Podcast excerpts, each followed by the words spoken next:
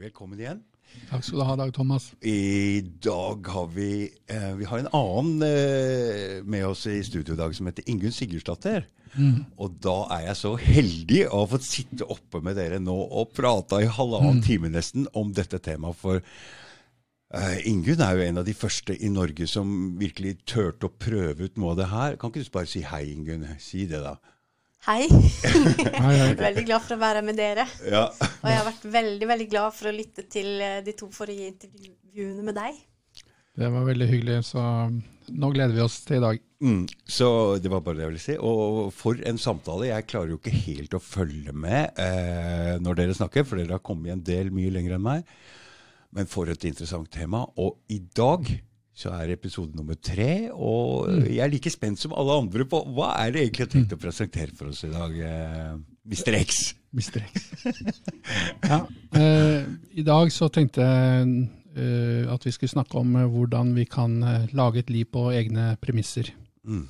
Så, og, eller on terms, som det ville hett på engelsk. Og da er det sånn at i hvert fall så har i hvert fall vi funnet noen måter man kan ta skritt for skritt eh, litt makten tilbake. Men uh, før vi går inn i det som tema, så tenkte jeg bare skulle eh, minne oss om litt eh, startpunktet på hvorfor vi er her. Så hvis vi så på Neste slide. Neste slide her, så står det jo her at altså Dette handler jo om hvor vi er hen, og hvor vi vil hen. Ja, ikke sant? Mm, for det, det, det avslutta du forrige gang. Ja. Mm, det var det siste du sa forrige gang. Mm. Hvor vil vi hen? Ja, det er litt viktig også, ikke sant? Ja, ja, absolutt. Og da er det noen ting som kanskje blir litt uh, åpenbart uh, når vi ser på disse tingene som er på skjermen nå. altså at vi må erkjenne at det er vi som uh, skaper livet, livsopplevelsen vår. Det er ikke mm. noen andre som gjør det. Det er vi som bestemmer hva vi vil føle, og hva vi vil gjøre. Og hva vi vil akseptere inn i livet vårt. Mm. Og Det betyr altså at uh, Eh, det er vi som eier oss selv, og hva eh, den vi er her, eh, vi, la oss kalle det på jorda da. Så, mm. så, vi bestemmer jo egentlig hvem vi vil lære. Mm. Det er mange bevis på. Det fins mennesker som har totalt bare sånn forlatt alt de var i dag, og fra i morgen så lever de et annet liv, og det går helt fint. Mm. Så det, det fins mange eksempler på det. Så vil noen si at ja, det er veldig vanskelig. Jo, det er det jo. Og jo flere ting du eier, jo flere relasjoner du har, jo vanskeligere blir det. Mm. Men det er mulig, så du kan bestemme det. Og du trenger ikke å forlate relasjonene dine for å være en annen heller. Så hvis vi øh, Så det betyr også at øh, hvis vi eier oss selv, så eier vi også øh, alle funksjonene vi har, ikke sant. Vi eier ja, vi eier alle kroppsfunksjonene våre, alle sansene våre, og ja, ansiktsdesignen vår, og alt som gjør oss til oss. Mm. Og Det er litt viktig å reflektere over, for i, i, dag så er det jo ikke sånn at uh, det ser sånn ut. Altså Du åpner en app på en telefon én gang, og så har du sånne rare briller og rare horn i panna eller rare ører osv. Og, så videre, og så vet du, oi, så finner du ut at ja, nå eier jeg ikke ansiktsdesignen min lenger. Nå er det noen andre som gjør det. For det skriver under når du skriver under på og, den ja. appen der, eller? Ja, altså nå er jo alt uh, sånn uh, det som kalles ad adhesive contracts. Dvs. Si at uh, det er bare én måte å akseptere på. Enten, enten, så sier du ja, eller så gjør du ingenting. Og ingen leser alt det der? Nei. Men det kan være greit å minne seg om da, at vi, vi må lage startpunktet hvor vi, vi, eier oss selv og eier alle våre Det er der vi må starte. Det betyr at da kan vi, da kan vi også tjene som vår egen mester. Altså, det er jo det Eh, ordet monark betyr, f.eks. Så hvis vi går på neste slide nå, så ser vi at eh, altså, altså, da har vi ingen andre å tjene enn oss selv. Eh, og Sånn er det jo konger og dronninger og andre hevder, at eh, de, de, er sin egen mester, sin egen monark. Så, eh, og hvis vi da hvis vi starter som at det kan vi også gjøre, så betyr det altså at vi holder alle nøklene til hva vi vil invitere inn i livet vårt, og hva vi vil låse ut av livet vårt. Det, de holder jo vi i våre egne hender. Men vi må finne og se de nøklene, selvfølgelig, og så må vi vite, bestemme hvordan vi vil bruke dem. Men uh, det betyr at da er vi, da er vi kommet hit til dagens tema at uh, det må jo handle om hvordan kan vi leve livet på våre betingelser, for det ser jo ikke akkurat sånn ut rundt oss akkurat nå, som at det er liksom det er standarden. Men det er der det er også så, så viktig, som, som, du også har sagt her, at uh, når vi snakket sammen, at uh, det er så viktig å stå i seg selv og være seg selv, og starte som det. Mm. Og da endrer veldig mange ting seg. Mens de fleste løper rundt og spør om hva får jeg lov til, eller hva er mulig, eh, ut fra hva noen andre har bestemt. Så noen ganger er det kanskje greiere å tenke at nei, la oss se hva som skjer hvis vi starter med forutsetning om at vi eier oss selv og kan bestemme selv. Og hvis vi da finner ut hva vi vil, så kan det bli et liv på våre betingelser. Mm. Det er det som er kanskje tema for praten i dag, håper jeg da. For det var der vi stoppa forrige gang. Hva, ja, ja. hva er det vi vil? Ja, og da er det to ting som Det er bare to ting som det, det, det, første er at vi må skjønne at det starter med meg, eller med oss selv. Mm. Det starter ikke med noen andre der ute vi må finne ut veldig mye om. Det starter med, med meg og hva jeg vil. Og så, er det det siste, selvfølgelig, er at uh, vi kan starte når som helst. Det er mm. aldri for seint, og det er aldri for tidlig. Nei. Så vi kunne velge å starte her i dag og si en nå blir livet på mine betingelser fremover, hva gjør vi da? Og Det er det det handler om. Ja, det, det høres deilig ut. Okay. Og da, eh, da, er det greit at vi har vært gjennom et par prater før. Mm. For det vi snakket om forrige gang, det var jo, det var jo, øh, det var jo øh, disse syv nøklene til frihet mm. og, og independence. da. Og det, Da snakket vi om eh, hvordan eh, vi må skjønne hvilke spill som foregår der ute, og vite at eh, hvis vi går og tar, eh, tror vi spiller håndball på en fotballbane, så går det ikke så bra med oss. Mm. Og vite at det finnes noen spilleregler der ute. Og så finnes det også mulighet for oss å lage egne spilleregler, men da må vi spille vårt spill på utsiden av den banen. Mm. Eh, Eller så kan vi velge andre roller på den banen. Vi kan jo like gjerne være dommer som vi er en spiller, f.eks. Mm. Det andre vi snakket om, var jo at, eh, at uh, vi kan velge forskjellige typer roller. og vi har, mye større, uh, vi har mye større kraft og makt enn det vi tror. Mm. Vi kan uh, noen ganger velge å sette betingelsene, og andre ganger så kan vi velge å bare spille med det andre bestemmer. Men vi har et mye større valg på det enn vi tror. Det er bare å se på helsevesenet og gå inn i hva, hva, er, pass, hva er, lovgivningen rundt pasient... Nå husker jeg ikke nøyaktig hva det heter. men pasienter har mye større makt enn det man tror. F.eks. Ja. kan du forlange en for behandling som det finnes en diagnose for. Kan forlange. Og du kan også nekte en behandling. Som, ikke sant? Mm. Sånn at eh, så lenge du har en diagnose på noe, så har du krav på å kunne få den behandling som er tilgjengelig. Mm. Nå er vi litt inne på hva som foregår nå, ikke sant? med ja. um, vaksiner og hvis du vil og ikke vil, og Absolutt, pasientrettigheter. da. Ja så, ja, så du har mye større makt enn det man tror. Du, du, sa noe morsomt til meg når vi gikk opp mm. trappa her, at du må skaffe deg en sånn eh, helseattest. Ja. Og så jeg, men jeg har jo akkurat vært hos legen, for jeg er jo yrkessjåfør. Og mm. den førerkortet hadde jo gått ut, så jeg mm. har jo en helseerklæring på at jeg er fullstendig frisk. Ja, det syns du var ganske interessant, ikke sant? Ja, det er litt interessant. For det betyr at uh, i og med at myndighetene har bekreftet at du kunne få førerkort fordi du er frisk, mm. så må de også regne med at du er frisk i uh, på andre måter. Dvs. Si at de ikke trenger å pålegge deg noe som gjelder syke mennesker. Nei. For eksempel. Mm. Vi trenger ikke å gå så langt inn i det. Nei, det var bare interessant. Og så Bare for å være litt rask på disse, disse syv nøklene, så, så, var vi også innom hvor mye som er lov, og hva som står skrevet, hva lov egentlig er, og osv. Og, og, og at det, det, er ikke noe sånn at det, verden foregår uten spilleregler. Det skjer ikke. Det, de som bestemmer, har spilleregler, eh, enten vi får vite om dem eller ikke. Men stort sett så får vi vite om dem eh, hvis vi, leser, hvis vi vil. Hvis vi vil, ja. Og det er like mye spor i spillefilmer i Hollywood som det er i lovbøkene. og vi har sett, Jeg har jo sett den nye Matrix-filmen, og jeg klarte mm. å klippe ut noe greier å vise dere i stad. Ja.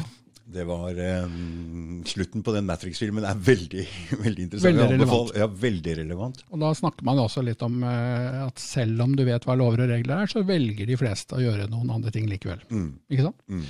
Og så har du da med, med, og da er vi inne på det neste som handler om ord å gjøre. Ikke sant? Hva er det ord egentlig betyr? Ikke sant? Hvis du, If you contract a virus, som det heter, så er jo det et veldig spesielt ord å bruke om at du er blitt smittet. Mm. Uh, det det, man sier ikke det, og det heter ikke det, og det står ikke det i ordboka når du slår opp heller.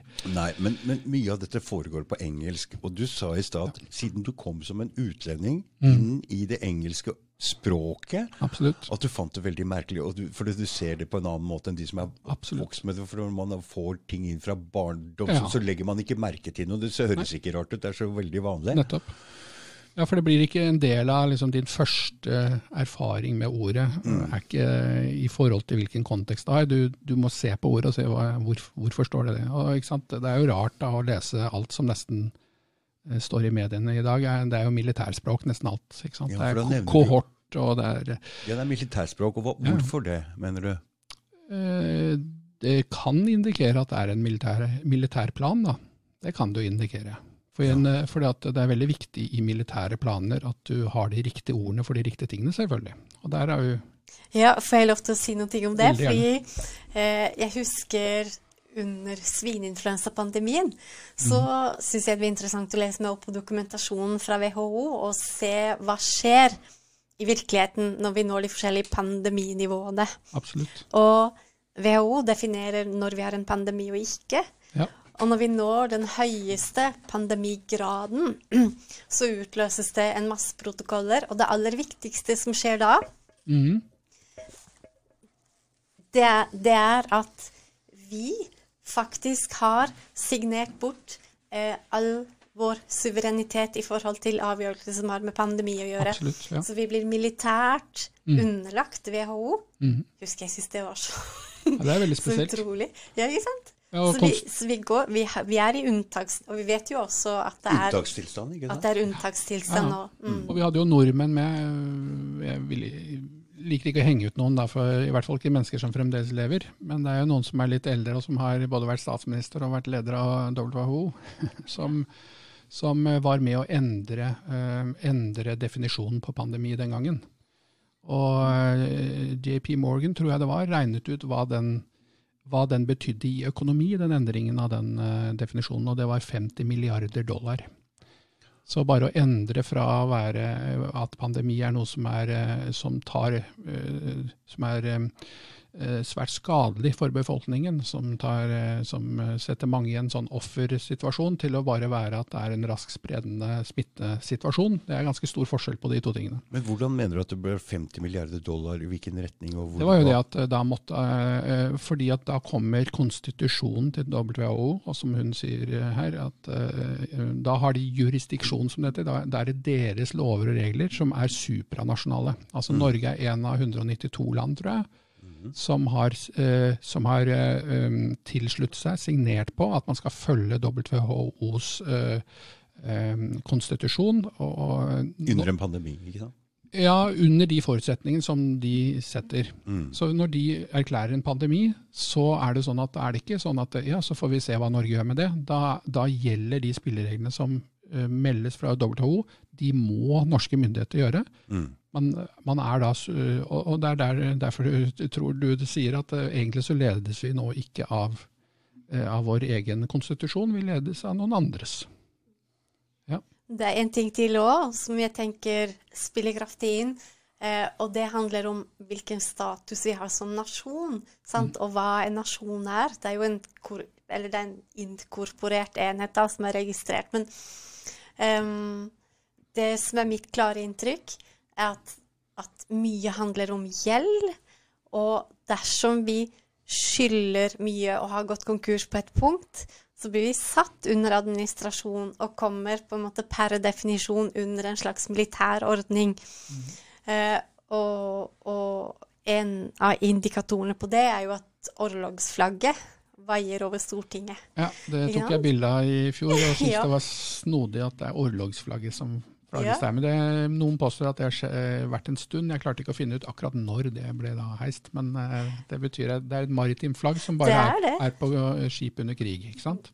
Akkurat som bare er på skip under krig, ja. ja. Mm. Så det betyr jo at dersom det skulle være riktig, da, uh, at hele nasjonen er konkurs, og det er jeg for min del nokså mm. sikker på, mm. at vi er under administrasjon, så betyr det at alle vi som har vært eller er borgere, vi mister også vår standing fordi, og vår rett til å si noe over hodet. Eller til å ha noen ja. innsigelse eller noe vi skulle ha sagt. Fordi vi er i en svak posisjon. Eller når du er gjeldsoffer, mm. når, du skyld, når, du er skyldner, så ja. har du ingen rett da. Mm. Så når vi snakker om de militære termene, så er det mange, mange perspektiver som kommer inn. Absolutt. Um, og så er det jo i, i tilfelle WHO så er det jo eh, man trenger ikke å gå så langt engang før man bare ser uh, hva det betyr. For det, det, står jo da i konstitusjonen at den er supranasjonal. Dvs. Si at alle som har ratifisert den, og det har alle land gjort bortsett fra USA og jeg tror ett land til. og da, da, er det sånn at da blir du da, Under visse forutsetninger så utløses det bare hva man skal gjøre. ikke sant? Eh, og, um, og, når du får det samme fra World Economic Forum, eh, og det er greit å nevne at begge disse organisasjoner er jo ikke, det er jo ikke noe folkevalgte her. Dette er jo private organisasjoner. Mm. Eh, og så kan det hende at man ikke tenker så godt over at det er under FN-systemet alt sammen, men det er det jo. Eh, og i FN-systemet så er det jo noen få mennesker som bare kan gå inn og ut av FN-systemet ja, det, det nevnte forrige gang. Uten, uh, uten, noen eh, forhåndsavklaring, og, og, avlegge besøk og komme med sine synspunkter og retningslinjer uten uh, vi trenger ikke gå da, da, må de lytte på episode én, tror jeg. jeg, tror det, jeg husker dette her. Men, er, men, når vi er inne, så er det veldig bra dette her. Altså. Så, så, uh, hvis vi bare går tilbake én slide, bare, så bare vi avslutter hva de, de syv nøklene var. For at, vi, vi, snakket også om, eh, om eh, målet. ikke sant? Eh, altså at vi, vi, må vite hva vi vil. Og vi vet at noen andre har mål for oss, enten vi vil eller ikke. Mm. Og så er det klart at hvis du kan språk og lov ganske godt og skjønner hvordan du kan lese det, så vil du også kunne med måte å opptre på snu bevisbyrden for mange ting som skjer deg. da. Mm. Jeg vet ikke om vi kommer videre på Der, ja. Det går fint. ja. Uh, og, og, da til slutt så der avslutter vi jo med liksom den the third way. ikke sant? Altså mm. den måten å gå inn i dette på. Jeg tror ikke Vi skal, vi kommer tilbake til det temaet. Men det er viktig at uh, nå gikk vi gjennom, så de, de, som vil ha mer om dette, de kan høre på episode to. For da får du liksom noen av verktøyene til, som står bak det vi nå skal snakke om. da. Mm. Men til og med før det så snakket vi da om, og det er viktig å vite, at dette er ikke et great reset eh, som nå er annonsert. Det er jo mange som har fått med seg det at den store planen her er en great reset eh, med build back better og vi skal ikke tilbake til det normal, vi, det er new normal. ja, det, har, det, det har de sagt hele tiden. Ja, altså, det, det, er helt åpent. Mm, det er åpent. Og Hvis du melder deg på uh, nyhetsbrev fra World Economic Forum, uh, som koster jeg husker ikke om det er 10, 10 eller 30 euro per måned, så får du også direkte tilgang til den 200 punkters planen, de 200 punkts temaer med planer som World Economic Forum styrer etter når det gjelder å innføre the great reset i alle områder av samfunnet. Mm.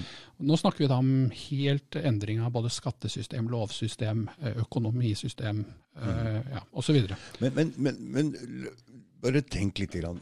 Verden har jo vært moden for forandring lenge. ikke sant? Så Det at de prøver å styre det mot Jeg har jo hele tida tenkt tanken om at uh, ja. vi må se å bli i en verden og få regna ut hvor mye ressurser vi har. Så, så tanken i seg sjøl er jo på en måte uh, Ingenting gjøres uten at folk nesten roper etter det. Så det tror jeg du har helt rett i. Mm. Uh, men så er det litt sånn spørsmål sånn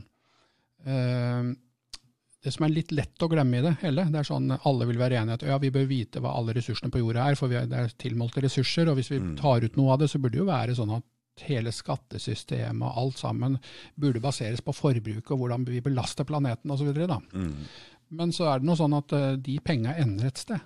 Det er det ingen som snakker om. Nei, nei. Og den makten til å bestemme hvordan det skal håndteres. Det ender et sted. Nei, det, er ikke, det er ingen også, folkevalgte i det. Nei, ingen. Og så er det en ting til, og det er at alt dette her skjer gjennom løgn. Og vi får ikke vite noen ting om hva som foregår, og vi får ikke vite den maktstrukturen som ligger bak. Nei, ja. Og det, da kan ikke jeg være med på det. Hvis de hadde forklart alt åpent og fått ja. det til å høre logisk ut, jeg kunne vært med på det. Og, mm. Men når det foregår sånn som det er her, og så, det, får vi kreve å få vite hva som foregår. Ja, så er det det vi kaller inconsistencies. Da. Altså, nå dømmer jeg ingen og sier ikke at noe er galt eller riktig. Jeg bare syns det er rart at uh, på ene siden så er jeg fra et jordbrukssamfunn hvor man vet at hvis, jo mer CO2 du klarer å sprøyte inn i drivhusene, jo bedre klarer det som er inni deg seg. Helt klart. Uh, også i andre enden så sier nei, det er giften som vi må bli kvitt. Mm. Så det, det, er litt sånn uh, hmm. Så, eh, så, jeg tror altså, Etter det rasjonale så burde man i hvert fall tenke at jorda klarer seg helt fint. Og så kan det hende at uh, menneskene likevel er i en viss faresituasjon. Men det, men det er forklaring som brukes på veldig mye, uten at det er sammenheng. da. Mm. Jeg tror uh, man kan se episode én for å lære litt mer om disse tre kronene, og hvordan liksom, all, nesten alt vi snakker om er property. altså egen. Det er så dårlige ord på norsk, for der er det to ord. Da. Du har eiendeler og eiendom. Eh, og, og, og, til og med kroppens properties er jo en del av property-begrepet. Mm. Funksjonene i kroppen din. Mm. Så, men alle disse tingene, så det er det veldig mye av lov handler om. Det Hvem har rett til å styre og eie og kontrollere property? Mm. Enten det er din kropp, eller det er eh, huset ditt, eller landet eh, du dyrker. Så handler det om kontroll av property. For det du sa du i episode 1 allerede, 90 mm. av all lov er property eller eiendomslov. Ja, Det er ikke jeg som sier det, da, men det, det er en sånn vanlig aksiom som det heter i, innenfor lovsystemet, at uh, liksom, uh, property is 90 of the law.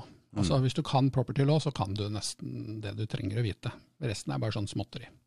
Der er det så mye vanskelig. Ja. Det der trust-greiene og den trekant-greiene og det der hvem er granter og, og denne greiene her. Men det som er viktig, det er jo bare å vite at det, eh, trenger ikke å kunne alle detaljer, men vi vet at det er noen som claimer at de har eh, en higher authority enn oss. Det er det. Ja. Eh, og at de bruker et system til sin fordel for å oppnå noen ting. Enten det er til vårt beste eller ikke, det får andre bedømme, men det er i hvert fall man bruker en, en, en makt til å gjøre noe. Og at det har vært flere great resets, det har det vært. Og flere small resets også. Men uh, vi så jo litt på The Great Reset fra 1666, som var litt mer enn The Great City of London Fire, uh, hvis du bare begynner å grave litt. Mm -hmm. og, og, vi snakket litt om Today's Great Reset, og hvilke spor man har lagt igjen til oss. og Hva er det egentlig man planer om her? Mm. Endre uh, Alt blir digitalt. ID, penger, lovsystem. altså til og med det som vi kaller i dag for demokrati, blir jo ikke demokrati, det blir teknokrati. Eh, og alt krever en artificial intelligence. Og jeg møter jo folk på gata som roper på dette i dag. De sier vi er så misfornøyd med disse politikerne. Vi vil gjerne tear them down. Vi vil heller ha en algoritme som bestemmer rettferdig. Og dette er jo det jeg tror vi er på vei til nå. De kommer ja. til å kjøre opp så mye misnøye og så mye Absolutt. greier. At, og så kommer media til å snu og ja. kaste politikerne under bussen ja. og se, se, hva de har drevet med. Og så bakk, så kommer de med denne løsningen sin. Men det veldig få reflekterer over, er at det krever en 100% gjennomsiktighet i livet ditt.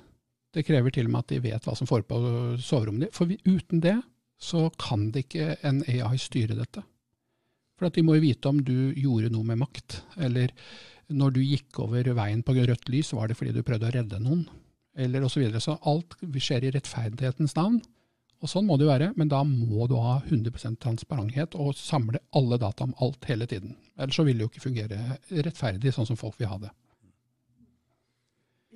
Men eh, det er litt av noen perspektiver, og mange av de er jo på en måte blitt iverksatt eller er i, i gang allerede gjennom det eh, systemet med smart cities mm. som mange har sluttet seg til. Og Der er jo planen klar, og planen er jo på en måte hel digitalisering og sentralisering av makt, hvor f.eks.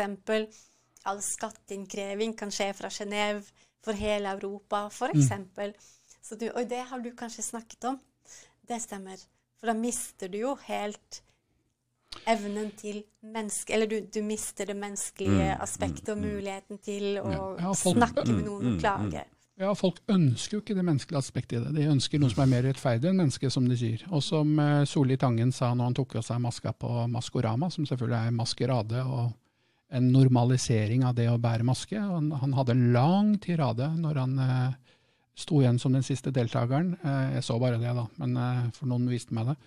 Hvor han sier at å, det er så deilig å få lov til å leve et annet liv enn den man egentlig er, i en virkelighet som ikke er virkelig, osv. Ja, det er en ren markedsføring for Metaverse å leve i det digitale. Og, eh, og det bare fortalte meg i hvert fall at ja, det er faktisk sånn at hvis de, noen mennesker fikk valget, nå snakker jeg om 80% av alle mennesker, dette høres veldig dramatisk ut, men ville heller velge å leve et ideelt liv in the metaverse enn å leve det miserable life de nå har fått her. For nå finnes det altså spill hvor du kan gå inn og kjøpe ting med ekte penger. Du kan bygge huset ja, ditt, du kan, du, og så virtual reality som det blir nå, ja. så er det altså folk som lever mer på nett enn det de gjør i virkeligheten. Jeg ser det på treninga. Mm. De går med musikk på øra, de sitter på telefonen. Ja. Jeg tenker hva skjer her nå? Så 80 er jo allerede borte. De er, de er ikke, borte, ikke sant? Det er jo ikke her i Det er veldig fint med podkast, for du sitter og ser folk i øynene selv om ikke ja, og det, er, det, er jo en av tingene med å ha en samtale hvor mm det foregår jo nesten aldri ellers. Fordi man blir forstyrra av den telefonen og, og TV-en og andre ting. Så det, jeg tror det holder hjernen min veldig bra i trim å kunne ha samtaler, for jeg tror samtaler er viktig. Ja, helt enig. Så nå er vi da inne på vår, the need for our own reset. Og det, det er det dagen eh, sant, i dag handler litt om. Da. Oh, kommer vi, det er bra. Så, eh, og det starter jo med erkjennelsen at eh, når det er annonsert en great reset, som man sier er selve hva det betyr å være menneske i, i et samfunn, når hele den kontrakten skal endres, og noen har sagt at de tar på seg ansvar for hvordan det skal skje, uten å høre med noen av oss, hvor det ikke er noen demokratiske prosesser i det hele tatt. Og eh, man har egentlig, det er det man kaller adhesive contracts, altså du blir stilt over sånn, vil du være med, så er det dette, ellers er det ingenting. Vil du ha penger på konto, så er det den ID-en, hvis ikke så får du ikke. Hvis du skal ha øh, øh, tilskudd til å klare strømregningen din nå, så må du akseptere at kun, de pengene du får, kan kun brukes til strømmen, og så og så lenge. Ja, for det er det. Og, ja, ja, så programmerbare penger. Det, det, kommer ikke med en gang, men det, bare mark my words, det kommer til å komme. Dette er forløperen til programmerbare penger, hvor alle vil akseptere det. For det kommer til selvfølgelig å bli veldig vanskelig å skjønne om folk faktisk brukte det på det de skulle bruke det til. Og det fører mange mennesker i en vanskelig situasjon, selvfølgelig. Mm. Eh, og da er det jo bedre. Eh, og så kommer eh, Universal Basic Income. Det er, ruller jo nå ut. Nye forbundskansleren i Tyskland gjør nå Europas største eksperiment siden krigen. Mm. Eh, andre verdenskrig. Eh, ved å rulle ut Universal Basic Income for 459 var det det, euro per måned. Og da sier folk ja, men det er jo altfor lite å leve på. Ja, nettopp. Så hva må du da? Nei, da må du søke om alle de andre tingene. Eh, råd til å bo, råd til strømmen, råd til telefon, råd til ikke sant. Men alle de vil jo komme med betingelser, selvfølgelig. Mm. Og begrensninger. Og da, har, da, er du inne i et uh, da snakker vi Matrix på alvor. Da er du inne i et Matrix-system mm. hvor du, det er jo helt umulig å komme seg ut. Så dette har vært planlagt hele tiden, og den knekken på små og mellomstore bedrifter, at de store bedriftene igjen skal ja. være der hvor du skal bruke pengene dine, det Nettopp. er allerede en del av planen? ikke sant? Ja, og disse prosjektene, noen sier til meg nei, nei, det skjer ikke. Vel, de pilotprosjektene er jo kjørt og ferdig og konkludert at det fungerer. Du, Det er så, så morsomt det... å sitte og snakke med noen som deg, som har kommet litt sånn lengre i tankegangen, eh, som har tenkt litt lengre. For det, altså, det trenger vi. Vi trenger folk som og Det er ikke dermed sagt at det, det er 100 riktig alt det du sier, men vi trenger altså noen som prøver å tenke og gå litt lenger inn. og, og ser, jeg ser i hvert fall hva som er mulig at kan skje, og hva det naturlige neste skrittet i en utvikling ville være. Mm. Hvis øh, ja, uh, jeg tror ikke jeg skal gå så inn i det. Nei, men det er viktig ja. for oss å prøve å se hva er det de egentlig prøver å lage for oss. Og hvis vi, hvis vi ikke engang klarer å se det, så veit vi jo ikke om vi vil ha det eller ikke. Da bare følger vi etter. Og som du sier også, så hva er det vi vil ha? Vil vi ha det, eller vil vi ha noe mm. annet? Og hva er det vi vil ha? Nettopp. Det er egentlig det det går på her nå, ikke sant? Og da er det sånn at hvis uh, The Great Reset blir tredd nedover ørene på oss, mm. så må det jo I hvert fall jeg håper den responsen de fleste der får, er Eh, er det sikker på at det er det vi vil? Mm. Eh, og så sier jeg, Hva betyr det? Har vi noe særlig oversikt over det? da? Og når det også da er det default, altså det som blir noe av hvis vi ikke sier noe, mm.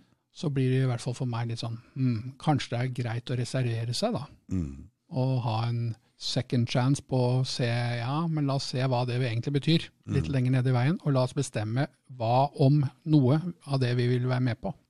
I dag er det lagt opp til at det er helt utenkelig og helt umulig. Eh, og det kontrolleres med veldig, veldig enkle virkemidler. Eh, hvor fikk du pengene dine fra? Hvor går pengene dine hen? Punktum. Altså, ja, det er én ting til, unnskyld. Og så hvem er den reelle identiteten din som hadde med det å gjøre? Det er de tre tingene man trenger å kontrollere. Da kontrollerer du et helt samfunn, og du trenger ikke politikere. Du trenger bare en teknologi. Punktum. Så hvis vi går neste, så skal vi se. Så det jeg mener dette starter med, det er jo øh, hvis the great reset blir tredd ned over våre ører, så må jo vi gjøre vårt reset. Det er i hvert fall helt naturlig. Mm. Så hvis den sosiale kontrakten som vi har hatt, altså det, det, betyr å være menneske i et samfunn og hvilken samspill vi har med andre og sånn, hvis det er i endring uten at vi får vite hvordan og, og hva det er tenkt å brukes til, så, og vi vet at den som kontrollerer property, altså eiendom, eh, kroppsfunksjoner. Altså den som kontrollerer, da, den, den, eh, den sitter jo med alle kortene, ikke sant. Så må det jo være sånn, da, da må vi jo kansellere den kontrakten. Vi er nødt til det. Vi er nødt til å gjøre vår egen reset. Mm. Så kan vi jo velge da om det er noe av det som blir tilbudt, stykkevis og delt, vi har lyst til å være med på. Det er noe helt annet. Vi trenger ikke mm. å rømme samfunnet. Nei, for det, der er det noen som har prøvd på. Ingunn, det er vel noe av det du gjorde. Du meldte deg jo totalt ut. Gjorde du? Ja. Og da er det vanskelig, og noen ting som er vanskelig, ikke sant? Jeg, jeg føler kanskje ikke egentlig det. Jeg føler at etter hvert så får du en veldig god forståelse for hva som er hva. Fordi eh, samfunnet drives på basis av kontrakter, egentlig. Du får alltid et tilbud. Har du lyst til å kontrahere? Sånn, sånn. Så eh, jeg leverte passet mitt inn, men fikk det siden tilbake. Og i begynnelsen tenkte jeg at det er en prinsipiell sak, jeg kan ikke ha det. Men så forsto jeg etterpå at det egentlig ikke er det, fordi eh, når du kommer til en grense og stoppes der med makt og vold, mm. så er det ikke en kontrakt som binder deg overhodet. Da, da er det bare eh, noe du tar imot, fordi med mindre du gjør det, så trues du. Mm på alle måter. Så det binder deg ikke. Jeg, jeg Nei, for slike kontrakter uh, er ikke gyldig egentlig under duress, ikke, ikke, sant? Jo, det mm. og, og, og, det høres ut som stress. Ja, det ordet, ikke sant? For det er ordet igjen. Samme. Det er det vel også. Mm. Så hvis du er under tvang eller uh, trusler, eller du føler Det holder at du føler deg i pressa, at du ikke syns det var behagelig. Mm. Og det gjelder også uh, alle bøter du får, og, og all, all motbør du får som du selv ikke med vilje har inngått i en kontrakt om. Mm. Og vi kan, se, vi kan, også se, at Helsedepartementet er forsiktige med å tråkke over den frie viljen. Så når det gjelder eh, restriksjoner da, så sier de veldig ofte at de anbefaler at. Ja, ja. Ikke sant? Og da leverer de fra seg ansvaret for eh, implementasjonen av regelverket, da. Det var sånn fascismen var. Det burde vært kalt korporatisme. Yeah. Det var at staten uh, kom ut med et eller annet, og så lot de de store bedriftene passe på å gjennomføre det. Sånn at det var ingen klar ansvarlig hos noen myndigheter. Men, men det er én liten ting til som kan være greit å nevne. Det ene er at det skjer med tvang, men det andre er at det skjer uten at du har alternativer. Mm. For det er jo det som også La oss si du har ikke andre alternativer enn å bruke bank-ID for å få tak i pengene dine. Nei. Så betyr ikke det at du er enig i å bruke bank-ID som Nei. det eneste måten å identifisere deg på. Men noe du er nødt til å gjøre også, ikke bare under tvang. Så, så det, gjelder, det er ikke kontraktering. Og så er det sånn at altså, Bruker du norsk valuta, så er det jo ikke sånn at du, du støtter opp under systemet. Hvis, altså, hvis, du har ingen annen mulighet til å overleve, eller trenger ikke å være å overleve heller. Bare en annen mulighet til å gjennomføre det du har lyst til. Så er det selvfølgelig og, og hvorfor jeg spurte Ingunn om det, for jeg føler at du tar en litt annen løsning med at uh, man kan være med når man vil, og ikke være med når man ikke vil. ikke sant? Absolutt. Men, og du også måtte jo ta tilbake passet ditt, Ingunn, så du på en måte er med og ikke med. Jeg føler kanskje at det eh, sier jeg riktig, fordi jeg syns at grunnpremisset er at du forstår 100% godt at du er autoriteten du er din egen jurisdiksjon. Du er underlagt ditt eget selv, egentlig, og ingen andre. Og når du forstår det, så forstår du også møtene med omgivelsene på en helt annen måte. Mm. Og da faller på en måte distinksjonen bort mellom deg og Matrix, såkalt. Mm. Da blir det mer menneskemøter. Mm. Um, jeg oppfatter helt klart at vi er på et sted i historien og i vår revolusjon hvor, hvor ikke ting er lett og vi prøver ut ting. Vi ser hva fungerer, hva fungerer ikke. Og, og eh, utfordringen er at all makt på jorden til nå har sin basis i, i voldsbruk, eller i, i, i, muligheten til å utøve makt overfor deg. Mm. Så det er ikke noe legalitet eller noe lov, Det er ikke noen lov som underkaster deg eh, en annens jurisdiksjon, men det er mer alle de andres vilje til å utøve vold overfor deg. Mm. Så, så, der vi er nå, tror jeg er på et sted hvor vi eh, bevisstgjøres mer og mer. Og for min del så syns jeg det velter fram med, med, initiativ, med våkne mennesker, med nye løsninger. Så jeg er veldig glad for det jeg ser rundt meg, og jeg er veldig glad for det presset vi har opplevd under covid. Fordi det har vært så provoserende for mange. Det har vært så vanskelig å holde fast på den gamle måten å tenke på, for det har vært så mye rart der. Så veldig mange har våkna. Mm, mm, ja, det er sant. Og så er det tre, eh, så Hvis vi er inne på temaet My Reset, da, hva er det vi egentlig mener? Jo, det handler om å velge mellom tre eh, posisjoner, eller tre ståpunkter, eh, standpunkter eller ståpunkter. da.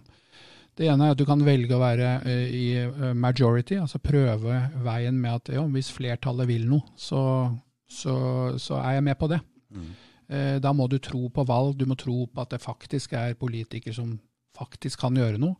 Og du må tro på Eller det er naturlig da at du tror på at det er faktisk de som bestemmer hva som er viktig i, livet vårt. Uh, og du må tro på menneskers evne til å ja, få informasjon, betrakte informasjon og ta det riktige valget. Eh, så det er majority. Det andre er å stå i minority. ikke sant? At du står som Du aksepterer å være du. Jeg kommer til å være en outcast og mindretall, men vi kan organisere oss, og, og vi kan få makt gjennom å rope høyt og gjøre ulike ting. Eh, sivil eh, ulydighet eller, eller, eller, andre ting. Eh, eller fremme vår sak og liksom være i opposisjon, da. Så, øh, øh, men den tredje tingen det er å stå i autoritet. ikke sant? Å stå i autoritet det betyr at du står i deg selv og sier du eh, Det er ikke slik at flertallet alltid har rett. I hvert fall ikke i mitt liv. Sjelden. eh, ikke sant? ja, kanskje tvert om veldig sjelden. Og det er ikke sånn at det, det, ser ut som det hjelper så veldig mye å være i minoritet og velge å peke på seg selv og si ja, jommen var ikke oss som igjen trakk det korteste strået. Men vi protesterer nok og håper på at det skjer noe likevel.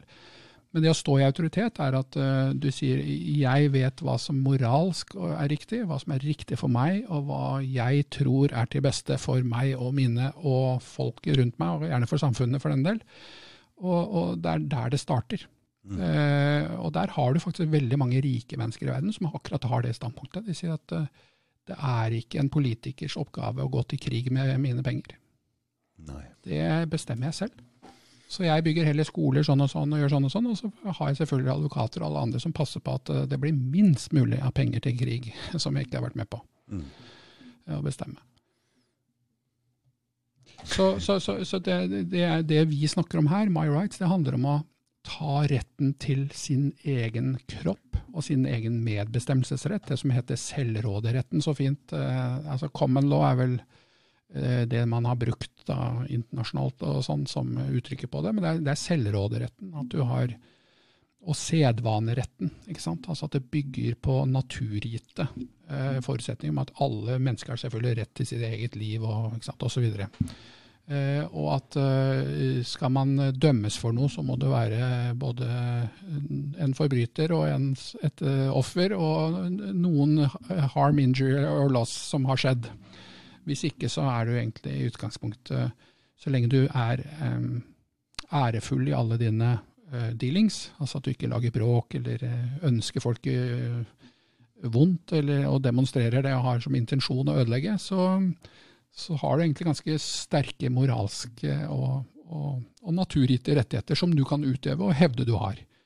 Det er det det handler om å stå i en autoritetsposisjon, hvor du tar the higher ground, liksom. Ja. Mm. Og det er kanskje noe med det konseptuelle òg, fordi det er veldig lett å tenke at du blir en outsider dersom du sånn mm. og sånn, men du gjør jo ikke det. Systemet er jo teknisk og syntetisk, det er, til, det er jo ikke håndgripelig, men det som er reelt, er jo men menneskene, alle de du treffer rundt deg.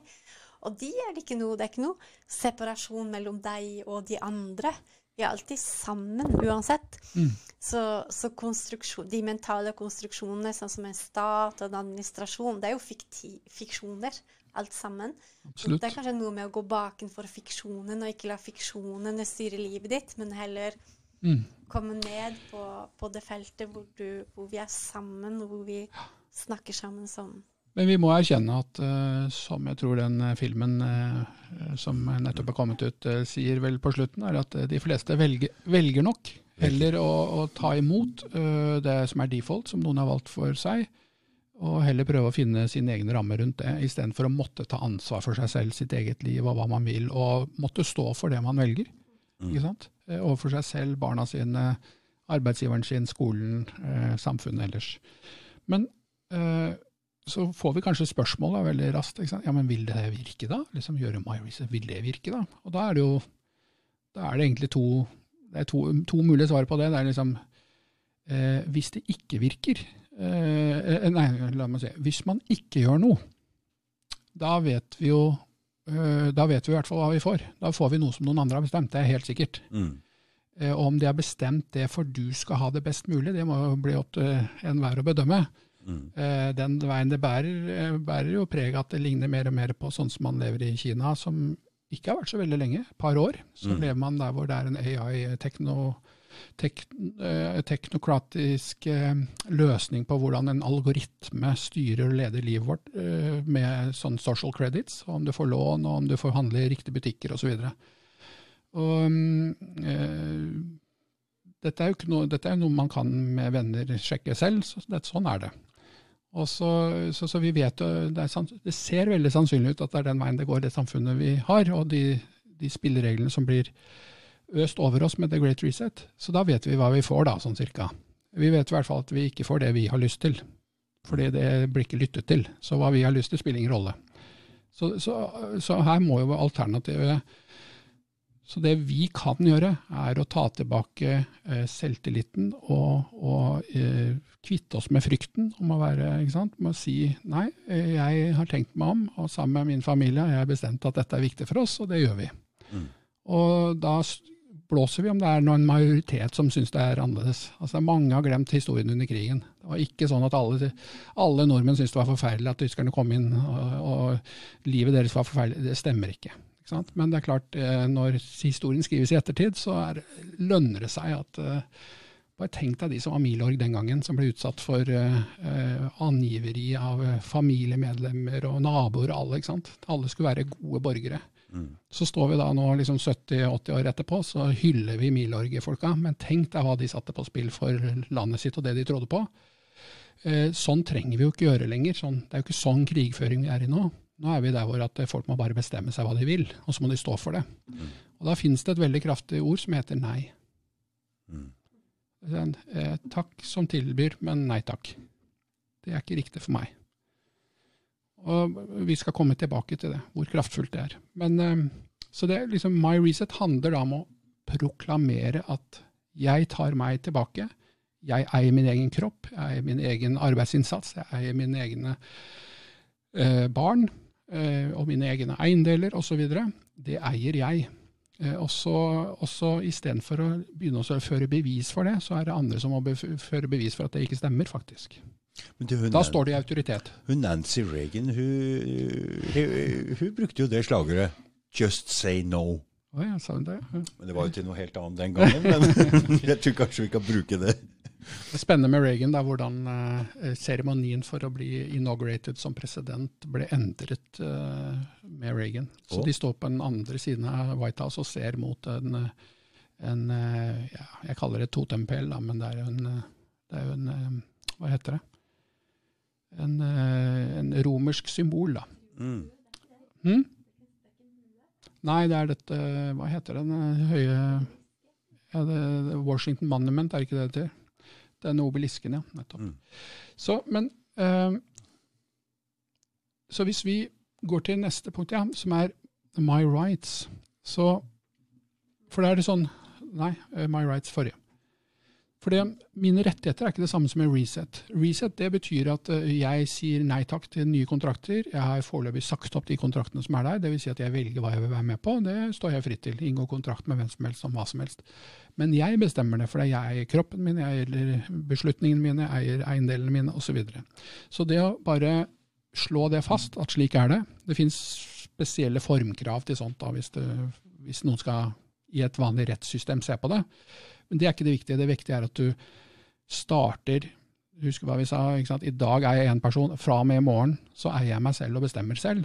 Bare tenk deg hvilken kraft det ligger i det. Det er jo helt sykt. Det er jo mange ting jeg ikke ville gjort i morgen da. Mm. Eh, tipper alle har det sånn.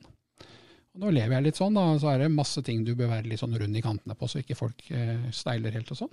Men, eh, men, det er helt annet liv framover, hvis du eier deg selv og vet at jeg står ansvarlig for mine egne ting. Det er kanskje, Jeg har i hvert fall følt at det er også noe med å komme inn i realitet i forhold til hva vi faktisk eier. Fordi vi lever jo i høy grad på, på lån og på gjeld, ja, gjeldsopptak og fiksjon.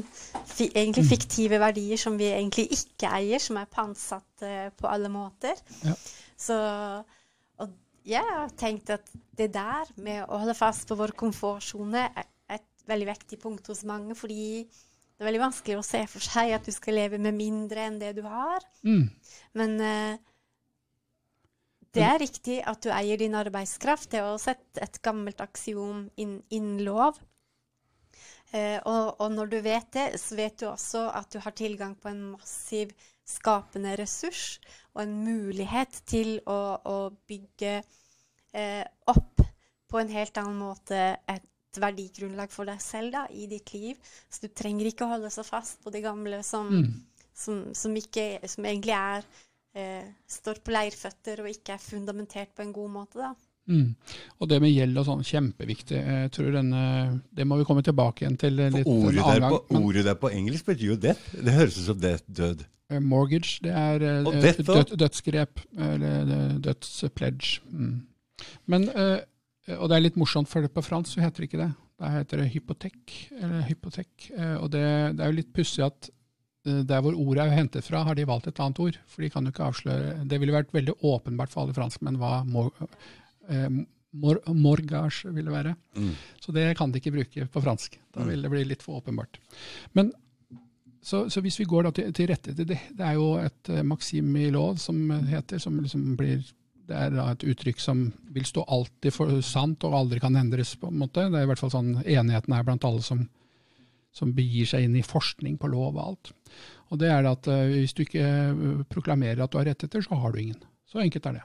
Så hvis noen kommer til deg og sier du, nå skal vi bare ta over eiendommen din, så sier du jeg, jeg, jeg svarer ikke på det. Da tar de over eiendommen din. Så må du nesten si du, det tror jeg ikke du kan, for jeg tror faktisk jeg har noen rettigheter her, og la meg finne papirene mine, osv. Det, dette driver disse juristene når de driver seg imellom, så er det sånn du må svare innen så kort tid, hvis ikke så er det gjeldende? Eller det er mye sånn, lenger tilbake i tid enn det. altså mm. vi, vi, får det i alle eventyr og sånn òg. Eh, ja. vampyren eh, banker tre, ganger, osv. Mm. Så, så, så hvis du ikke har sluppet den inn på tredje forsøket, så kommer den ikke tilbake. Nei. Ikke sant, og så videre. Ville du si noe? Ja. Jeg vil si også at det er eh, i enkelte samfunn hvor du kanskje har eh, et mer gjennomsiktig forhold til loven, eller hvor, mm. det er lettere å se distinksjonen da, mellom det maritime og kanskje common law, så er ting tydeligere. Mm. Men i, i, Norge så er ting veldig eh, blurry, det er veldig tåkete. Mm. Også for eh, de som jobber i systemet. Det er mitt inntrykk. Jeg har inntrykk av at det er ikke veldig mange som har et høyt opplysningsnivå eller forstår så godt. Så det vi gjorde, jeg gjorde eh, Jeg, jeg mista huset mitt egentlig med vilje, men, mm. men gikk inn i, i den, nettopp den typen kommersielle eh, prosess med banken. Mm. Eh, men når du stiller spørsmål som er så fundamentale, hvor du f.eks. sier at ja, men kontrakten jeg har med banken, er inngått på fraudulent, feil premisser, mm. og, og, den har elementer av svindel i seg, og dermed så blir kontrakten ugyldig. Mm. Det er så rammende at banken ikke kan gi deg rett, selv om du har rett. Ja, ja. Og der er vi på mange måter så jeg tror at i den dialogen da, hvor du hevder din rett innenfor systemet, så vil du kanskje få rett innimellom. Mm. Men, men det vil også være mange ganger hvor du ikke kan forsvare ditt liv da, og din eiendom mm. gjennom en, en, en, debatt med systemet som det er nå. Du står sannsynligvis overfor et valg. Enten er det sånn jeg vil demonstrere at jeg har rett, eh, og det kan det hende du kan få til, selv om virkemidlene kan være ganske drøye fra den annen part. Men den andre er jo å si det viktigste for meg er å få løst saken, og til min fordel. Og da, Hvis du er mykere da og ikke utsetter noen for sånne beskyldninger osv., så, videre, så kan det godt hende at du vet det er sånn, og de vet det er sånn, men det kommer aldri i det skriftlige materialet, og ergo så kan du vinne. Så og Se masse sånt i barnevernssaker, f.eks. Altså, hvis du vet hva du driver med og hvordan du skal svare på noe, så vet de det veldig godt hva det er du egentlig prøver deg på. Men hvis du sier det rett ut og gjør det veldig åpenbart, da, da har du erta på deg eh, et system. Ja, og i mitt tilfelle så tror jeg det var sånn at jeg ikke kunne Jeg hadde ikke Jeg ville heller ikke vinne, fordi jeg hadde fått en stor bot som var urettferdig. Så konsekvensen av å få um, å, og, skulle beholde huset, da, var at da måtte, all, da måtte, jeg også betale boten. Og dermed måtte jeg underkaste Absolutt. meg systemet og ja. velge og Men Det er jo et valg som uh, alle må ta. En, ja, alle må ta. Mm. Det som er viktig, Man må jo vite at man må proklamere sine rettigheter. Det er veldig viktig å si at jeg har rettigheter. Ellers så har man ingen. Da kan folk ture fram. Du, jeg skal bare si noe, Ingunn. Ja. Det er best at du har på de øretelefonene, fordi du er litt høyt opp og ned i lydnivå, og det vil du høre da. Mm. Derfor du skal ha dem på, så du plutselig er høy og litt lav sånn. Veldig bra, Ingunn. Eh, så, eh, eh, så er det noen ting i hvert fall eh, jeg tror Ingunn vil være helt enig her. og Det er at uh, det å vite hva en affidavit og en erklæring er, er veldig viktig. affidavit. Mm. Ja, så, og, og, Det er at uh, du, du, erklærer noe, du står for noe som du mener, du sier er, dette er min sannhet. Mm. Ikke nødvendigvis den sannheten, men det er min sannhet til det, det beste av det du vet på dette tidspunktet. Mm. Sånn som i eksempelet du sa med helseerklæring. Du sier at mm. så vidt jeg vet, så er jeg Eh, ved Perfect General Health eh, ja. akkurat nå. Mm. Eh, og jeg kjenner ikke til at jeg da skulle verken trenge noen symboler på at jeg ikke er det, eller underkaste meg noen lov som gjelder de som er syke, eller noen behandlinger og observasjoner eller et eller annet sånt noe. Mm. Så ergo så hevder jeg at da trenger jeg ikke forholde meg til de tingene som er laget for at jeg kanskje skulle kunne være syk. Mm. Så derfor så velger jeg et motsatt ståsted. Mm. Og hvis noen mener de har bevis på at jeg er syk, så må jeg gjerne få det.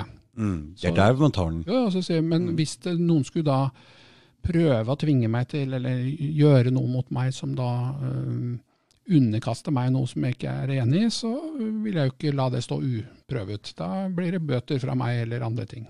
Dette kommer vi litt mer inn på. Oh, det er spennende. Ha? Men poenget er at erklæring er veldig sterkt. Det er det samme som å levere testimony in court, altså vitneutsagn, men det er mye sterkere. Fordi at eh, Når du vil levere vitneutsagn, så kan det være at du sitter der hvor noen target deg, og du må nesten levere motbevis. Mens hvis du har en erklæring, så er det før noe har skjedd. Den erklæringen kan den underskrives av andre òg? Eller må det bare, holde med at du hva? Det kommer helt an på.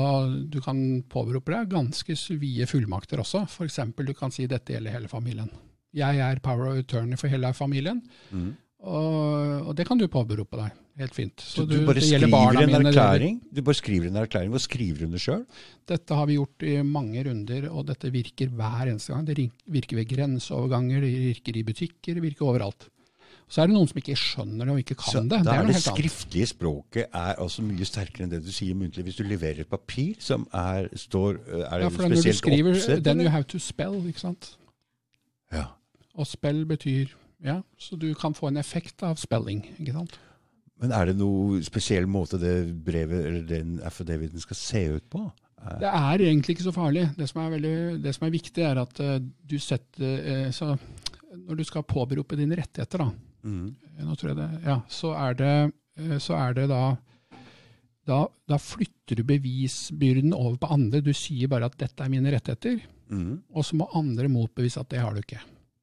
Og, det ganske, og, det betyr at du kan ta ut ulike deler av det, avhengig av hva du skal. Hvis du skal reise f.eks., så kan du lage en affidavit of health hvor ingen kan pålegge deg noe som helst. Og så må du følge med en liten sånn hvis du likevel pålegger meg ting som om jeg var syk, så det, er, eh, det aksepterer jeg ikke. Du må bevise at jeg er syk, og hvis du likevel behandler meg som om jeg er syk, så Og nå skjønner vi hva som skjer i dag. Mm. Du underkaster deg et system hvor du må ta noen digitale greier som du må akseptere, og så må du akseptere et nytt lovsystem. Altså, dette skjønner ikke folk at det er det som skjer. Altså. Det er en ny måte å få betalt på, ny ID, ny, eh, nytt betalingssystem. Alt er forberedelsen. Så, så, så, så når du da eh, f.eks. Eh, ifører deg maske, eller tester deg, mm. eller vaksinerer deg, eller tar dette passet som mm. Eh, de tilbys for å kunne fritt ferdes et eller annet sted, det har jo ikke mm. skjedd i Norge ennå, mm. så har du underkastet deg et system ved å si du har rukket opp hånda, frivillig meldt deg og sagt du, det kan hende jeg er syk, så mm. vennligst påfør smittevernlovens bestemmelse på meg. Mm.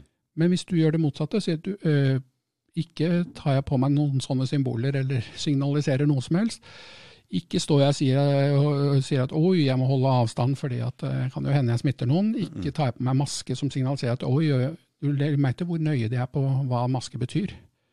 Det betyr jo ikke at du ikke blir syk, det betyr jo at du ikke kan smitte andre. Mm. Det er det, til, det, betyr, det er det lovteksten står rundt. Mm.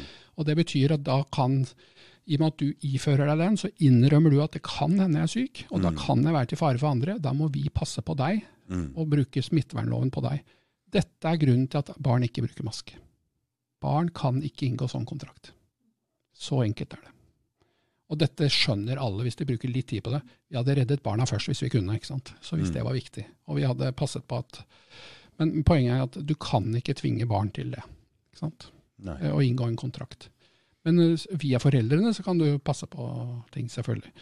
Men det, det er det som er så viktig med My Rights. altså at du, Og det er derfor jeg tror at det er veldig viktig at uh, det er veldig mange som ikke kan dette òg.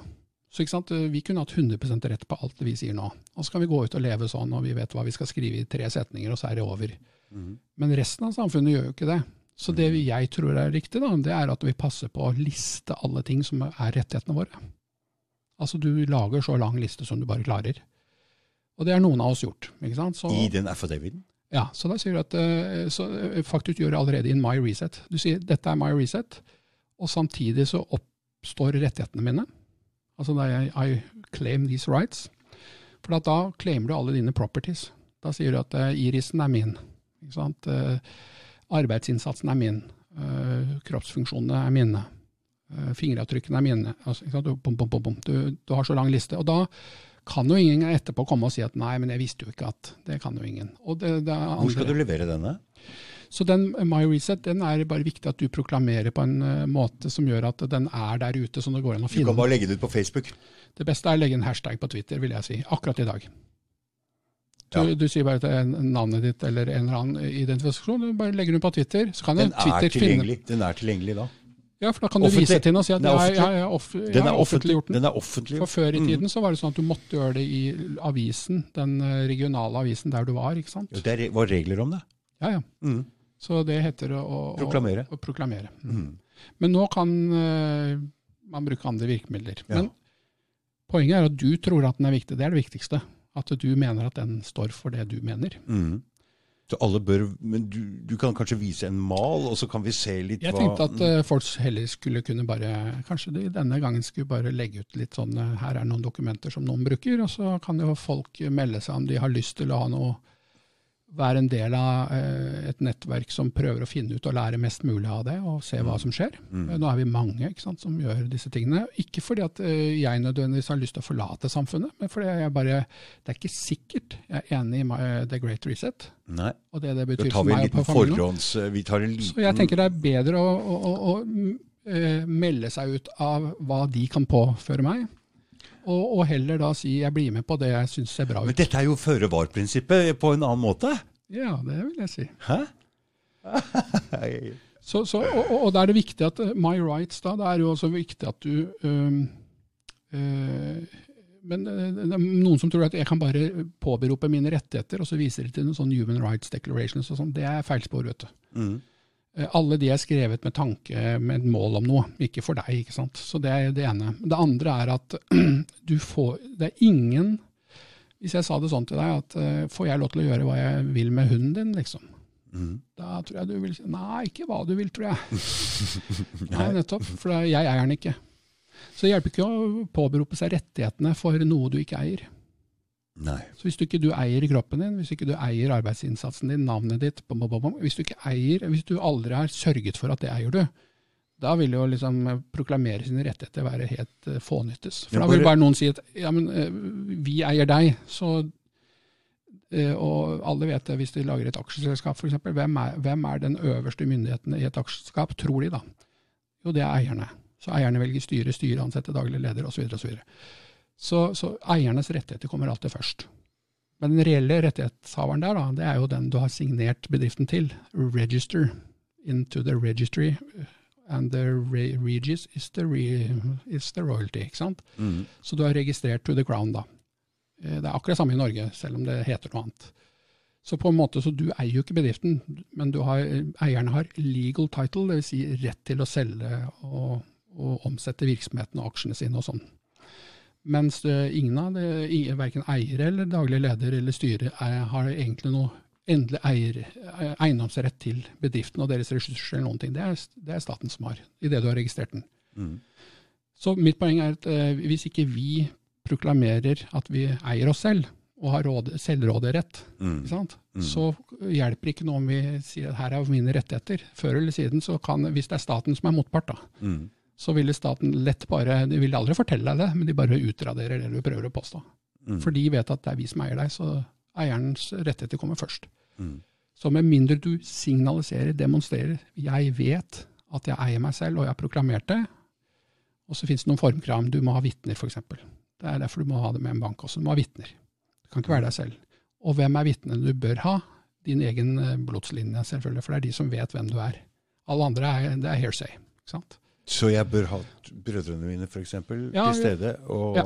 De som er del av samme bloodline. Så det, er, det kan være søsken, eller det kan være, eh, eller det kan være mor eller far, eller, eh, Men nå veit vi jo hvor splitta disse familiene er. eller barn. Heldigvis har jeg to brødre som er ganske Jo, greie, så de får bare stille opp her. det, det er det sterkeste, og har du Ja, ikke, så, så forklarer du at det har jeg ikke. Så da må det bli noen andre, da. Men det er nest best, da. ikke sant? Mm.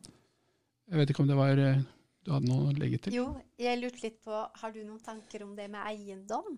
Og det med å ha et hus et sted? Fordi det, det jeg oppfatter da, er at det er problemet. Du kan uh, claime eierskap til din, din egen kropp, Mm. selvfølgelig, og, og påberope deg standing for deg selv.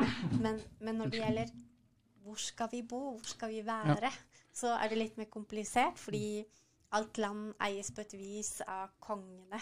Mm, Og derfor så er det delt tittel til alt det vi har, vi har brukt så det er det. Ja. Men, men så fins det så, så det passer faktisk veldig godt med et eh, annet tema vi har foran oss. Kanskje vi skal spare til, til, eh, til eh, My Protection, det temaet som kommer. fordi at eh, eh, ja, Det er et veldig stort tema, det der. Men uh, det, det finnes noen spor av hva vi kan gjøre.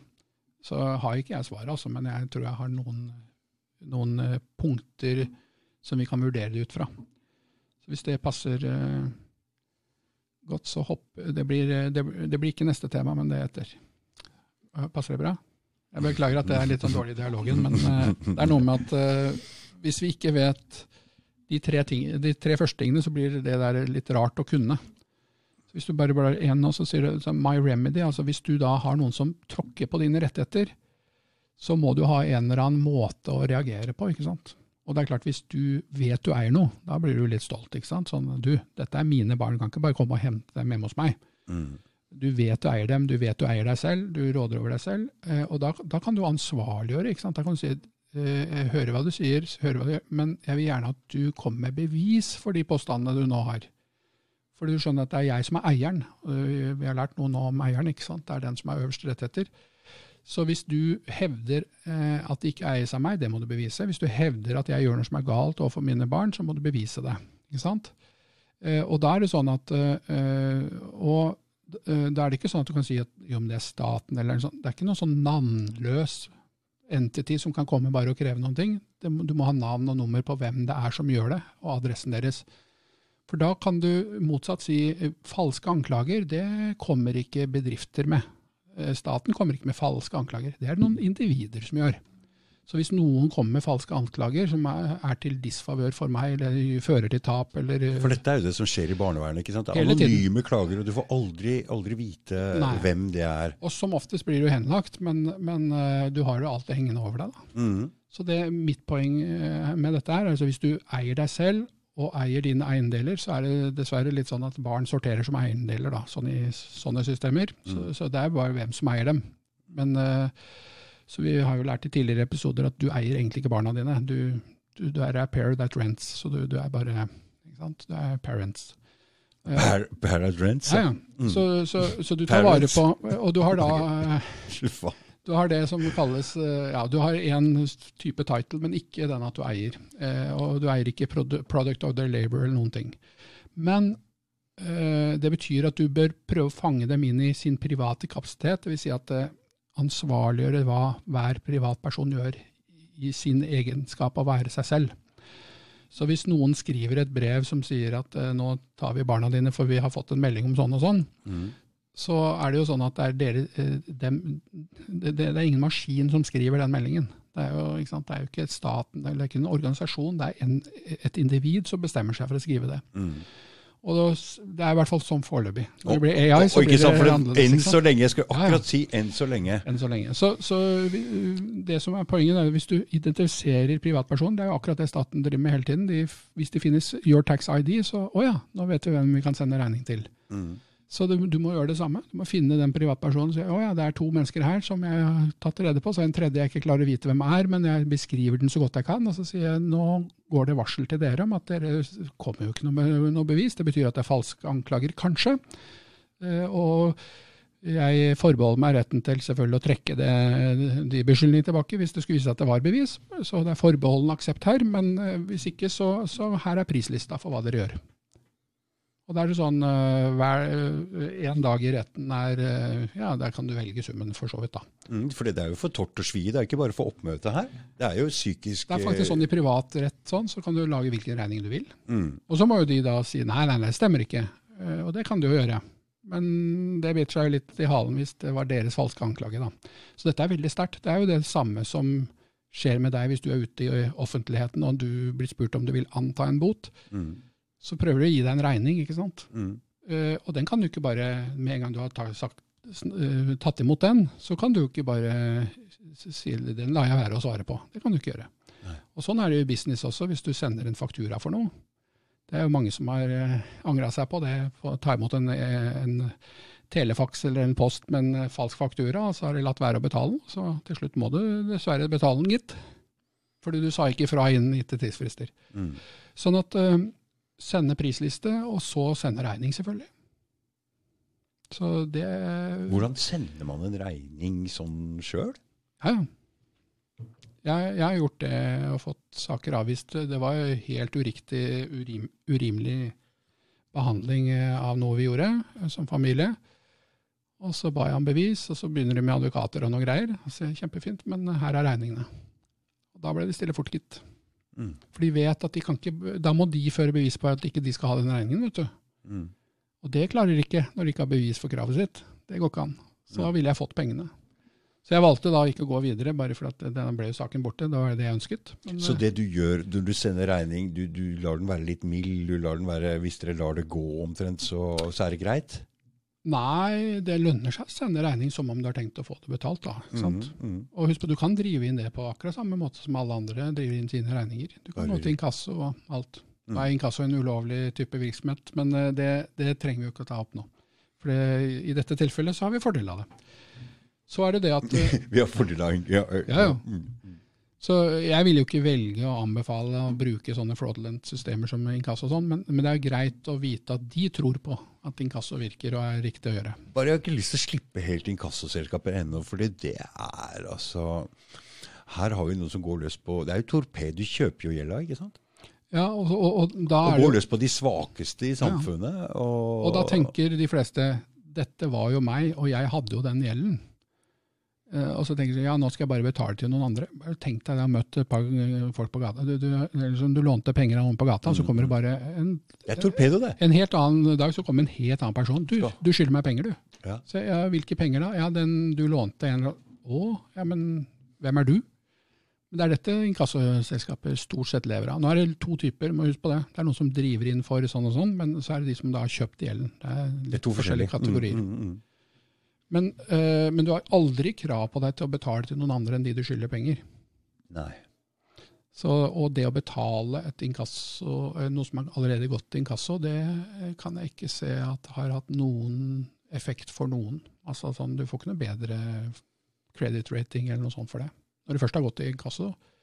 Ikke inkasso, det, er, det er ikke det at inkassoselskapet sk skriver til deg, men det er når de foretar utenlandsforretning, så spiller det ingen rolle lenger. Da er du Men dette har jeg ikke så lyst til å gå inn i, for dette er sånn vi har eksperimentert litt med det, men vi, vi trenger jo egentlig ikke å forholde oss til det, for det skjer ikke oss, sånn annet enn at vi kreerer det. Men det er greit å vite at det virker. Mm. Og det har virket for mange mennesker å bare eh, være sikker på at eh, de virkelig får bevis på at det eksisterer, den gjelda de skal betale osv. Og, så og det er ikke så lett å bevise skjønner du, for mange. Noen ganger så får du inkasso på at det, hvor det opprinnelige gjeldsbrevet ligger ikke med engang. ikke eller de har det ikke. Ja, for jeg, jeg er jo i kontakt med en eller annen sånn gærning nå, og han er helt han, Når han hører at inkasso er inne i bildet, så er han Åh, Det blir gøy. åh, det blir gøy. Ja, ja. Men det er masse som er frivillig. Men husk på at igjen, øh, der, er du, der tror jeg Ingunn hadde et veldig godt poeng. Altså, har du gjeld, så er du litt screwed, da. Jeg har gjeld, jeg. Jo, fordi, fordi du, du da blir fanget i det systemet her, og du kan ikke du kan ikke koste på deg den luksusen og la være å betale, eller? For da får du noe på kredittscoren. Men, men tenk deg for noen som er ganske holdne mennesker, da, som ikke trenger lån, for, for så vidt. Eller får det uansett, liksom. Mm. For dem så spiller det ingen rolle om du betaler et sånt krav eller ikke.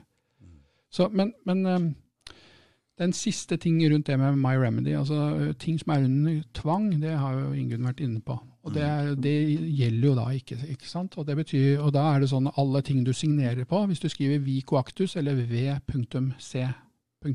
Mm. nær underskriften din, så går det ikke an å drive inn den gjelden, eller den boten, eller hva det nå er. Fordi hvis da, har du signalisert at du har gjort det under tvang, eller under, du hadde ikke noe lyst, men, eh, og, og da vil de ikke kunne vinne hvis du påpeker at det var det som skjedde. Så du skriver navnet ditt, men du skriver WC under? Ja, eller ved siden av, eller foran, eller et eller annet sted det passer. da. Mm -hmm.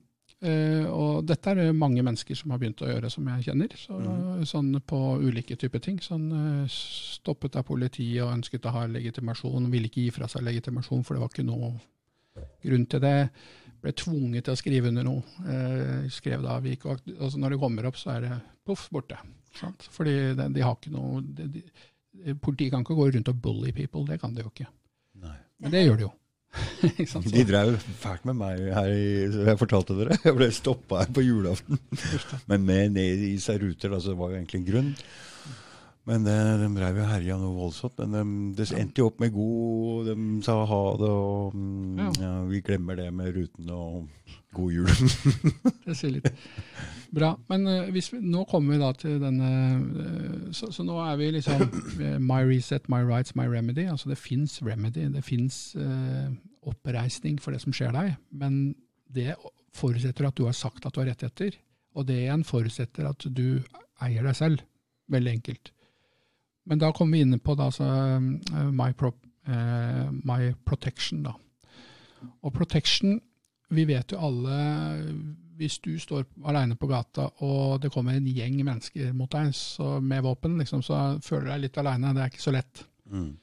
Eh, og det er enda verre hvis det kommer en eh, gjeng med droner mot deg, liksom. Altså, du ikke, Mye verre. Ja, for du, du vet ikke hvem de er, vet ikke hvor de kommer fra, vet ikke hva det er. ikke sant? Og dette er jo sånn statssystemet eh, er bygget opp. At eh, staten mot deg Å ja, hvem er staten? Nei, det, det finner du ikke ut. Hvem er staten? Det er, jo, er ikke det oss, da? Ja, er det oss mot meg? Eh, og så finner du ikke navnet på ikke sant? Du finner ikke noen å, å angripe engang. ikke sant? Så du er helt forsvarsløs, da. Så du er bare da et nummer og en digital på en måte, ja, liten, lite symbol i et sånt system. Så da er liksom, hvordan skal du beskytte deg da, hvis det er noen som kommer mot deg? Liksom, noen vil ta barna dine. Du har fått en, en anonym bekymringsmelding, da. Det er et godt eksempel, for det skjer jo ganske mange. Eh, bare for noen har lyst til å være litt eh, ekkel med deg. Ja, hva som helst, egentlig. Ja, og, og da blir det investigation, så du må svare for deg. og du, må, du blir fortalt at du bør vise all informasjonen du har. Det trenger du jo selvfølgelig ikke, men poenget er at du føler deg veldig aleine. Mm. Og, det, eh, og her er det sånn at eh, hvis vi kunne funnet oss måter å ikke føle så aleine på, så vil det være veldig god protection. Eh, og en av de som er tatt fra oss, det er jo familie. Altså nå er jo nesten eh, Alle familiene jeg kjenner nesten, er i en eller annen måte dysfunksjonelle. Mm. Og vi har fått så mange ting som taler enkeltindividets sak hele tiden. Og liksom det er min tid, mine krefter, mine penger, mine rettigheter. Er liksom, alt er meg, meg, meg. Mm. Eh, eh, og det lærte jeg ved å bo i London og møte noen av verdens rikeste mennesker. De sa, de sa liksom tre-fire ting til meg som bare sånn Oh my God, at jeg ikke har tenkt ordentlig sånn gjennom det før. De sa 'family first'. Og så skjønte ikke jeg egentlig hva de mente med det. De mente det ordentlig, altså. De mente at det viktigste møtet de hadde i uka, det var familiemøtet rundt eh, frokostbordet. Mm. Og så sånne, ja, men bedrifter og sånn, ja ja, men bare hvis det tjener familien. Å, ok. Og så sier de, ja, og bare hvis det virker om 70 år. Du hørte hva jeg sa nå? Så de tenker 70 år frem. Så når de snakker om hva skal man si, Ja ja, men eh, det er jo meg og ungene mine, og sånn, ja ja. Så, så tenker de sånn Vet du hva, penga våre, eiendommene våre, alt sammen, det skal være der for barnebarna våre. Hva gjør vi i dag da? Da tenker de helt annerledes. Og da etablerer de bare bedrifter sånn som vi gjør, hvis det tjener familien. Det er alltid familien først. Og så skjer det noe magisk, for det er sånn eh, Der kan du ta hva vår eh, oljefondsjef sier. Eh, han har jo et fond på Jersey, som er da penger i en privat jurisdiksjon. Dvs. Si ingen får greie på, på innsiden. Han er veldig åpen med det. Mm. Gir bort penger via den, denne Gates Foundation, denne the, the Giving Pledge, eller hva det heter. Er med på alt det. Men er veldig presis på at dette er penger som er beskyttet fra at noen skal få tak i pengene eller erodere pengene. eller sånn, Så det går gjennom uh, generasjoner uten at det blir mindre av det. og sånn. Veldig ærlig åpen på det. Og det er ikke noe ulovlig det. Hadde det vært ulovlig, så hadde han jo ikke sittet der hvor han sitter. Det går jo ikke an. Nei.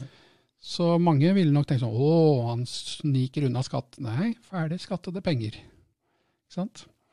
Så, så, så, hva er det han egentlig gjør? Han, han, han, øh, og hvis noen skulle da rette seg mot den Eh, det heter en trust, altså et familie, du kan kalle det et slags familieselskap. da. Mm. Så hvis noen skulle rette noe krav mot det, så sier de sånn ja, men vi må ha skatte-ID-en for hver av familiemedlemmene, og så må vi vite hvor mye hver familiemedlem eier av den trusten. Mm. For hvis ikke så klarer vi ikke å skatte noen. For vi må jo vite eier du 100% eller eier du 10% eller 5% eller, For vi må jo nå skatte folk her. Men men det finner du ikke ut med en trust. Det er Alle familiens eiendeler er i familiens eie, og alle eier det helt solidarisk, og det er ingen sånn noen eier noe mer enn noen andre. Hva er en trust egentlig? Det er det at du har gitt bort eh, Det er det Bill Gates gjorde, som gjorde at han ble kalt for verdens mest gavmilde mann. Men det han egentlig har gjort, han har tatt da formue og penger og satt inn i, i hans tilfelle da, en stiftelse som gjør at han aldri trenger å skatte igjen. Stiftelse, er det en trust? Og hvorfor, hvorfor blir det sånn? Ja, Det er litt annen avart av det. Med stiftelse så følger det med en rekke sånne regler på hvordan du må operere. og sånn, og Du må bruke 5% minst av det som er uh, i, han, i, hans type stiftelse. Da, så må du bruke 5% av det stiftelsen råder over til eh, et formål hvert år. Mm. Eh, det kan se veldedig ut, men det kan jo absolutt tjene penger. Ja. Og han har jo uttalt at uh, det er ingenting som har vært mer lønnsomt da han skiftet fra datavirus til menneskevirus. Nei. Han sa det ikke akkurat sånn, men det er sånn jeg tolker det. Mm. Og så tenker folk datavirus, menneske Oi, det minnet litt om hverandre. Det var ikke han med Microsoft som passet på at det kunne være datavirus, og alle måtte oppgradere softwaren sin. Mm. For det var for det var det han satt den gangen og prata om De spurte noe, I do not understand. Var det det Ja, i rettssal og sånn. Det har handlet om litt andre issues og sånn monopolsituasjon. Men ja, det er jo det du får, da. Hvis mm, du mm. passer på at alle får datavirus hvis de ikke oppgraderer softwaren sin. Det kalles jo Det er en class action lawsuit-potensial. Mm. Poenget er at du flytter eiendeler og verdier ut av din kon, eh, personlige kontroll. Men det må du altså gjøre eh, Eller, unnskyld, nei, ut av ditt eie, men ikke ut av din kontroll nødvendigvis. For gjennom familien så har du kontroll. ja. Nå hører vi deg ikke, Engen. Ja. Det er best å ha på de der, så veit du hva du driver med også. sånn, sånn. Der, ja. Jeg lurte på om du vet noe om det med registrering av trustet, fordi mm et trust kan vi ikke registrere innenfor det offentlige, fordi da binder vi oss selv på samme måte. Absolutt. Så det som er mitt inntrykk, da, det er at eh, det du snakker om med privat jurisdiksjon all, all, Alle de som vet hva som skjer, mm. de registrerer sine trusts i det private.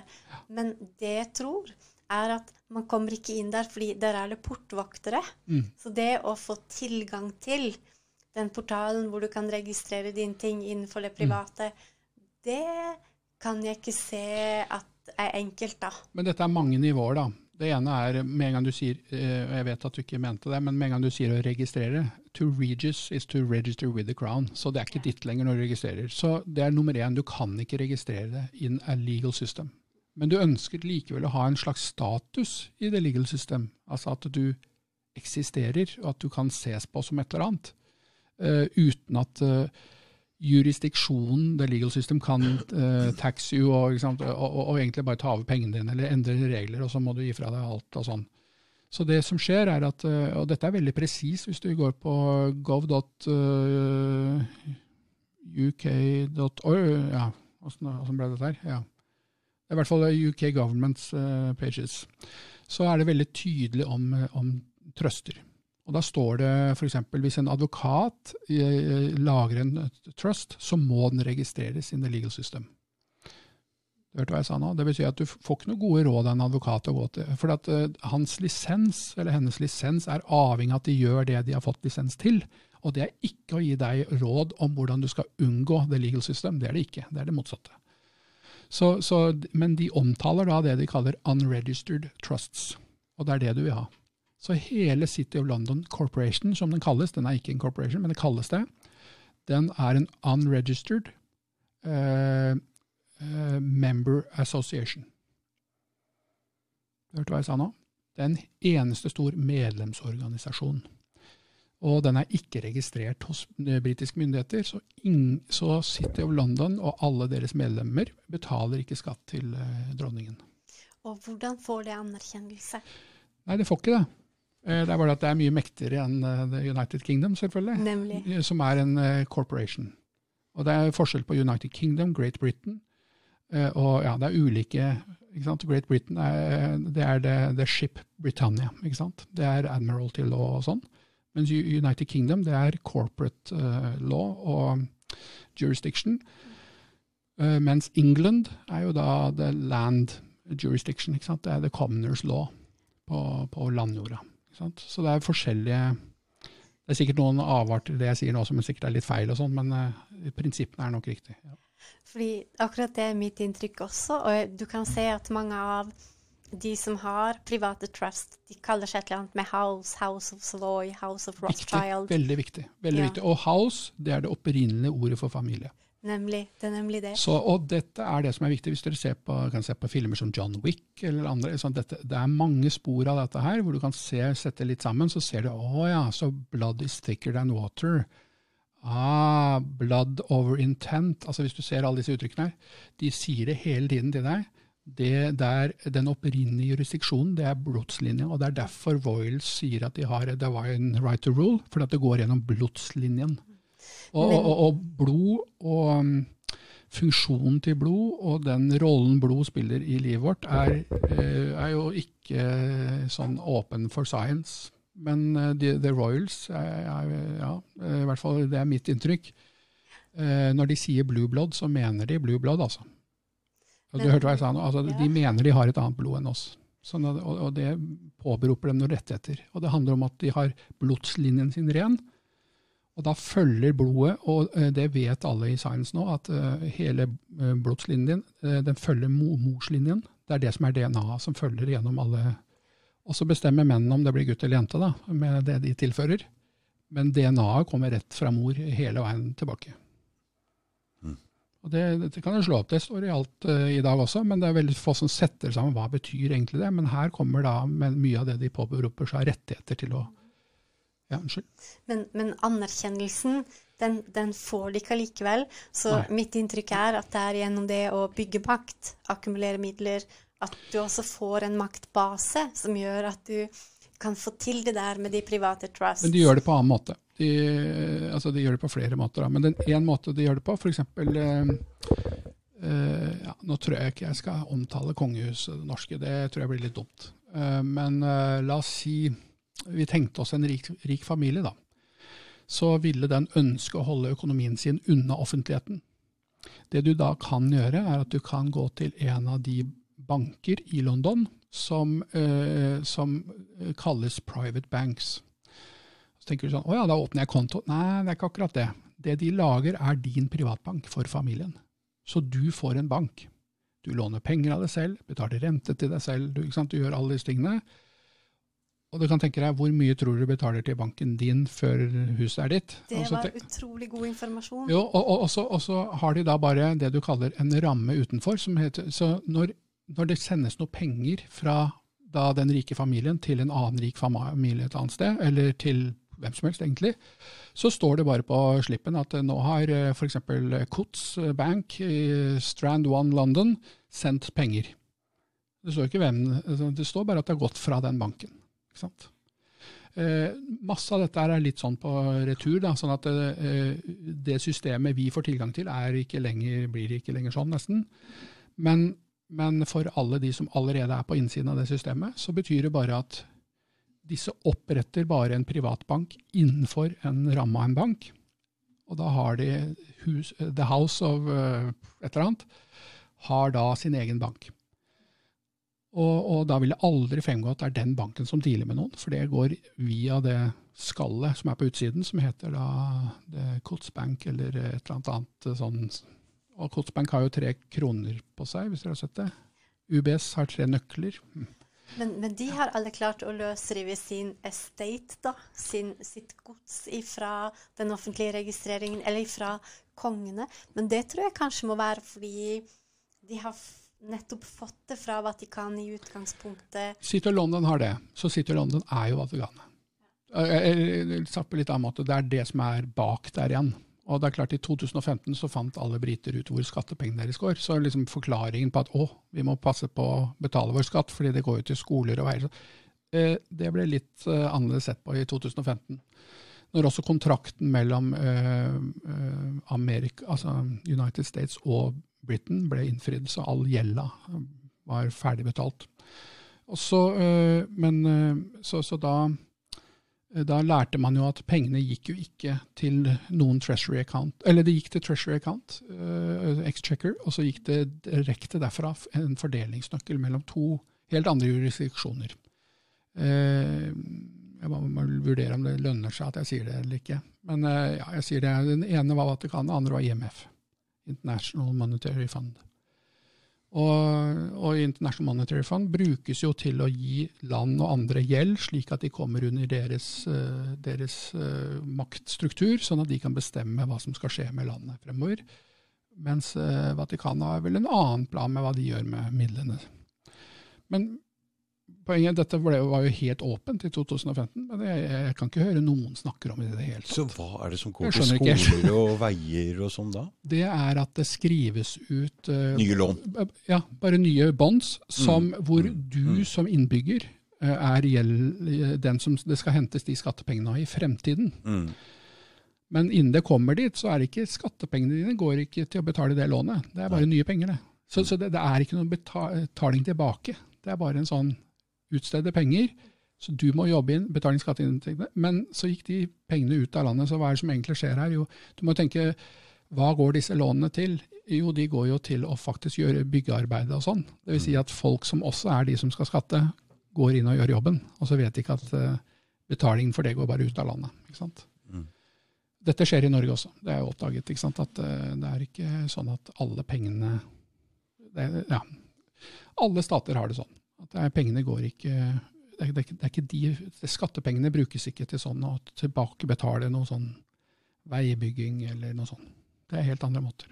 Sykehus og Det kan hende jeg får veldig motbør for det jeg sier nå, men jeg har forsøkt å ordentlig gå dette etter i sømmene og spørre hvem eier Norges Bank, f.eks. Svaret jeg fikk av Norges Bank var det spiller ingen rolle. Nei. Det er jo spesielt svar å få, syns jeg, da. Jeg syns det spiller veldig stor rolle, f.eks en ja. ting til, og det er at eh, den norske stat plikter å, å, låne fra Norges Bank. Er ikke det utrolig? Når mm. vi tror at en suveren stat egentlig skal utstede egne penger. Ja, ja. Jo. Absolutt. Og vi får ikke greie på hvem som eier Norges Bank. Så, øh, og i 1991 så ble Norges Bank registrert på det Security, Securities and Exchange Commission. Ja. I, ja. Hunder må få lov til å leve, de òg. Du kan sikkert bare fortelle, tror jeg. Jo da. Eh, litt hundelyd i bakgrunnen er bare hyggelig. Men eh, hvis vi går litt inn på My Protection, altså det ene er altså uh, familien vår burde være mye mer protection enn vi, enn vi bruker det til i dag. Og Hvis ting kunne eies av familien og ikke av deg som individ, så ville det være stor forskjell på uh, fordi at Dagens skattesystem, det romerske skattesystemet er at du blir individer. Det Nye testamentet starta med en historie om noen som skulle skrives inn i manntallet. og Da var det veldig viktig at de var individer som kunne skilles og eh, sånn. ikke sant? Men, så, sånn at, eh, så det ene er familie. Men det andre er Legg merke til hvordan da City of London er bygget. med en medlemsorganisasjon med medlemmer, og hvis du studerer hvordan valgsystemet er, så du, det er mye læring, altså.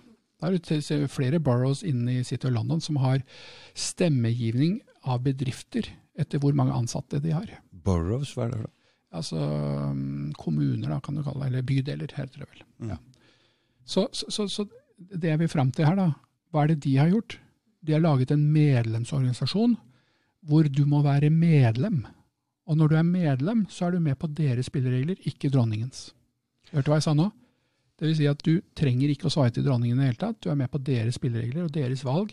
Det er eget politivesen, brannvesen, vannverk og alt mulig er eget innenfor City of London sin uh, jurisdiksjon, som bare er én square mile, som det kalles. Og, og, og hva, hva, er poenget da? Det er et 854 banker som ikke betaler skatt til dronningen, som uh, er i City of London. Jo, da kan man jo skjønne Nå skjønner man jo Jeg sa jo da noen snakket om brexit, det blir bankflukt og sånn. Så, uh, høres veldig dumt ut å flytte banken hvis, til Frankfurt hvis du plutselig må skatte. Mm. Jeg tror ikke det kommer til å skje. Og det skjedde ikke heller. Men her er mitt poeng, da. Familie er en mulig beskyttelse.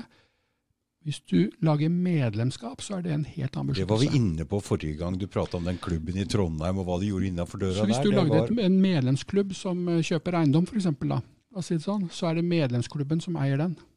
Og hvem er medlemmer der? Nei, du er ikke pliktig å oppgi hvem det er. Eh, du kan jo gjøre det, selvfølgelig, men eh, hvem eier hva? Tenk deg i London, hvor mange medlemsklubber har du ikke der?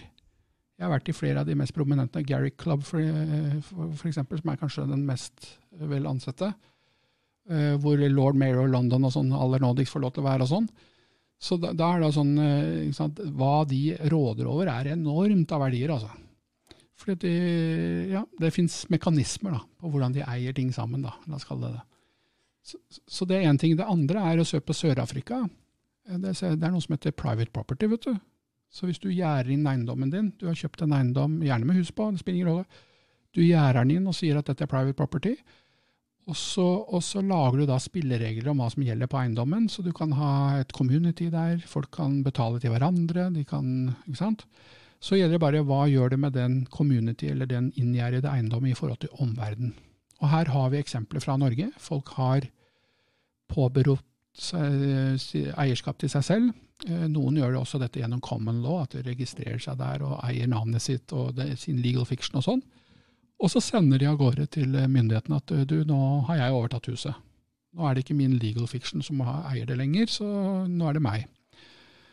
Så, men det rare er, jeg må nesten si det litt sånn, det er, for det er litt synd på akkurat den personen jeg tenker på nå. for at så ringer da eh, skattemyndigheter, eller jeg husker ikke nøyaktig hvem som ringer, men myndigheter ringer i hvert fall tilbake og sier at du, eh, vi har registrert at du har, eh, skiftet eiendom. Så, så, ja, da må vi bare finne ut Da er det jo sånn dokumentavgift, da, for at nå har du skiftet eier. Ja, det har jeg akkurat vært borti. Og og så sier han å nei, nei, nei, nei, og hvor mye var det da? Å nei, det var mye penger, ja. Nei, det, det var ikke så lurt. Nei, det, det Nei. Å, så det er en feil, sier da myndighetene. Ja, det var nok en feil. Og sier å, så fint, vi skal rette den feilen, sier da myndighetene. Og så er det er tilbake igjen i samme jurisdiksjon. Hadde han betalt den regningen, dette er jo bevis på at det lar seg gjøre å hente det ut av the legal fiction og eie eiendommen selv. Når det er sagt, så er det ingen som noen gang kan eie noe land. Det går ikke an. Ikke sant? For, øh, altså, konger og sånn får, blir jo kronet fordi de får kalle lov til å drive den franchisen som er på det landet, territoriumet som de får lov til. Så, så, du, så, Vi får aldri eie land som helt sånn allodial title, som det heter, at vi kan gjøre fritt hva vi vil med det. Kongen har alltid rett til å komme og bare forsyne seg med det likevel. Og sånn, Det skjønner vi jo litt, og det kan jo ikke være sånn at du kunne starta en ny stat i Norge og så bare si nå blir vi flere og flere, og så er kongen borte. Det, det går ikke an. Det skjønner alle. Så, så, så, sånn vil det ikke fungere. Så det vi kan oppnå at best, det er to ting. Det ene er hvis vi skal ha territoriell eiendom, så må vi akseptere at kongen kan komme når som helst, men vi må jo ikke gjøre det så opportunt. Men vi kan selvfølgelig sørge for at det er ikke skattepliktig osv. Det er noe helt annet. Mm -hmm. Jeg tror det finnes et unntak. Ok, Eh, fordi romersk lov er bygget på to pilarer, og det ene er the line of the kings, så er det the line line of the the priests. priests. Ja, Ja. ja, ja. Så kirken vet Det Kirken er har lov. Det her er den inne på nå, ja. For kirken har alltid eid sin egen, egen eiendom. Det er helt riktig. Eh, Så systemet anerkjenner, eller det romerske systemet vi lever under, anerkjenner faktisk fri vilje og religionsfrihet. Mm. Ja. Så Men, det, det, men det- anerkjenner det alle typer religioner? altså Sånn som i Storbritannia, så kan du få to uh, følgere uh, av din religion. Så kan du registrere en religion og få rettigheter som det. Mm, mm. Uh, og Derfor så har du noen sånne ting som er Jedi-religion, f.eks. Og sånn Mm, i Storbritannia. Veldig morsomt. Mm. Men når det kommer til sånn som du snakker om nå Jeg, vet, jeg, jeg lurer på om faktisk det er riktig. Mm. At hvis du registrerer en, et kirkes, et trossamfunn, da, en Mm. egen eklesia Ja. Og det er jo det som eh, Mm. eh, Franco Collins også har gjort med Ecclesiastical Trust. Absolutt. ja. Det er noe helt annet enn en de private trusts. Ja. Og det, det har høyere autoritet fordi det stiller seg ved siden av Mm. Ja. Vatikanets autoritet. Så det helt, rykker helt opp i topp der. ja. Men og da, da ja. faller det Vatikanets claim om å eie hele jorden på vegne av Gud, mm, faller på en måte bort. Og så blir det en mer lokal claim på vegne Mm. av Jehova, da, som er Ja. den guden som Ja, ja. Jeg kan ikke nok om det, kan jeg si, annet enn at uh, jeg har lest hele altså canon law uh, og det ecclesiastical uh, som, rundt det. Det er ganske heftige saker, man må være ganske stø på hva man snakker om. Men, men ja, nei, det er noe jeg syns hadde vært verdt å grave videre i. Jeg vil gjerne snakke mer med deg om. Ja, det er, det er interessant. For jeg har sett noen som drev med noe, og med en gang de lagde et sånt kirkesamfunn, så fikk ikke politiet De kunne ikke gjøre noen ting der inne. Mm. Så det der er De bare sa 'vi er her', og de bare pst, ut. Men nå brenner de jo til og med ned kirker og sånn, så øh, det, det har vært tusenvis av kirker som er nedbrent. Så man har nok en plan med å prøve å kvitte seg med den øh, muligheten der, i hvert fall. Eh, ja, men vi kan Men kanskje ja. jeg bare kan fortelle, fordi Ja. eh, vi, vi reiste uten pass til Brasil, og da var det veldig interessant å se hva er det som gjør at det er mulig. Mm. Og det første stedet vi kom til, var Portugal, Mm. til en av havnene der, i Cascais. Og da snakket vi med politisjefen, fordi de tilkalte politiet, selvfølgelig. Um, og etter å ha framsatt vårt ståsted, så sa han bare 'Å ja, det er et samvittighetsspørsmål'. Ja, men det er i orden. Da stempler vi verdenspasset deres, som ikke Mm. er noe legalt dokument overhodet. Så det med samvittighet, det er en ting som anerkjennes. Og også innenfor systemet og kirka så er det med samvittighet. Veldig bra. Ja. Mm. Ja, Superbra. Dette her vil jeg gjerne lære veldig mye mer om. Veldig bra. Eh, Men i hvert fall, vi er inne på hvordan vi kan beskytte både eiendeler og oss selv osv. Et viktig prinsipp er å ikke stå alene og bli alene, men at du blir en del av en gruppe som utenfra ses på som en gruppe. Akkurat som de rike gjør med å ha en bank, bankramme rundt sin egen bank osv. Alternativet er jo at du må gå rundt og skjule deg selv, skjule verdiene dine. Det, det holder jo ikke veldig lenge. Eh, og, og, og det er veldig viktig at det står i et pri, altså på privat Alt klemes som privat. Dette er privat eiendom, dette er privat medlemskap, privat økonomi, privat uh, klubb osv. Så, uh, så uh, Og hvorfor er det så viktig å gjøre sånn? Altså, må huske på Hele det legale systemet er jo egentlig nest, nesten å regne som et privat system. Altså, Hvis du skulle forstå da statutory law, så er det akkurat som det er loven om hva som skjer med mannskapet på et skip, hvor alle blir tilbudt å være medlem som mannskap på det skipet. Og så hva det skipet gjør da på havet, det har ingen andre noe med, annet enn de som er på det skipet. Eh, og, der er det noen, og da kan du, du kan jo lese litt opp om hvordan folk faktisk ble shanghaiet, som det het, og måtte ta hyre på skip, enten de vil eller ikke. Det er drøye greier som har skjedd i verdenshistorien. Men, men det er jo det som er da å regne for altså, Den private lovningen er jo sånn. Altså at Den gjelder det skipet du tilhører. Så er bare spørsmålet om hvilke skip har vi, da. Ikke sant? Eh, så liker jeg ikke å bruke de termene med skip, sånt, for da er vi inne i deres språk. Men poenget er fremdeles det samme, at du må ramme det inn, sånn at du på lik linje som dem har et skip. For de kan ikke si at nei, ett skip får lov til å seile og ikke et annet. Det går jo ikke. Altså Har du et skip der ute og et mannskap, så må du jo få det samme type leie som et annet skip får. Eh, litt avhengig av hvilke flagg det seiler under, selvfølgelig. Men, men, eh, men poenget står da at eh, altså reglene om hva som er privat og ikke, er likt for alle. Dette er en av grunnene til at vi ikke får eh, innsyn. Vi har jo noen kolleger som har prøvd å finne ut når man må betale bompenger sånn som man må. Og det settes opp mer og mer sånne overvåkingsoverganger hele veien. Så lurer man litt på sånn, hvordan er egentlig den økonomien, og når de ikke hevder de må ta mer betalt for hvert år, eh, hva er egentlig kostnadene? Mm. Og Så ber du da om å få utlevert regnskapene, som kan ved en hvilken som helst annen norsk bedrift. Det får du jo ikke, fordi det er offentlig og privat i samarbeid.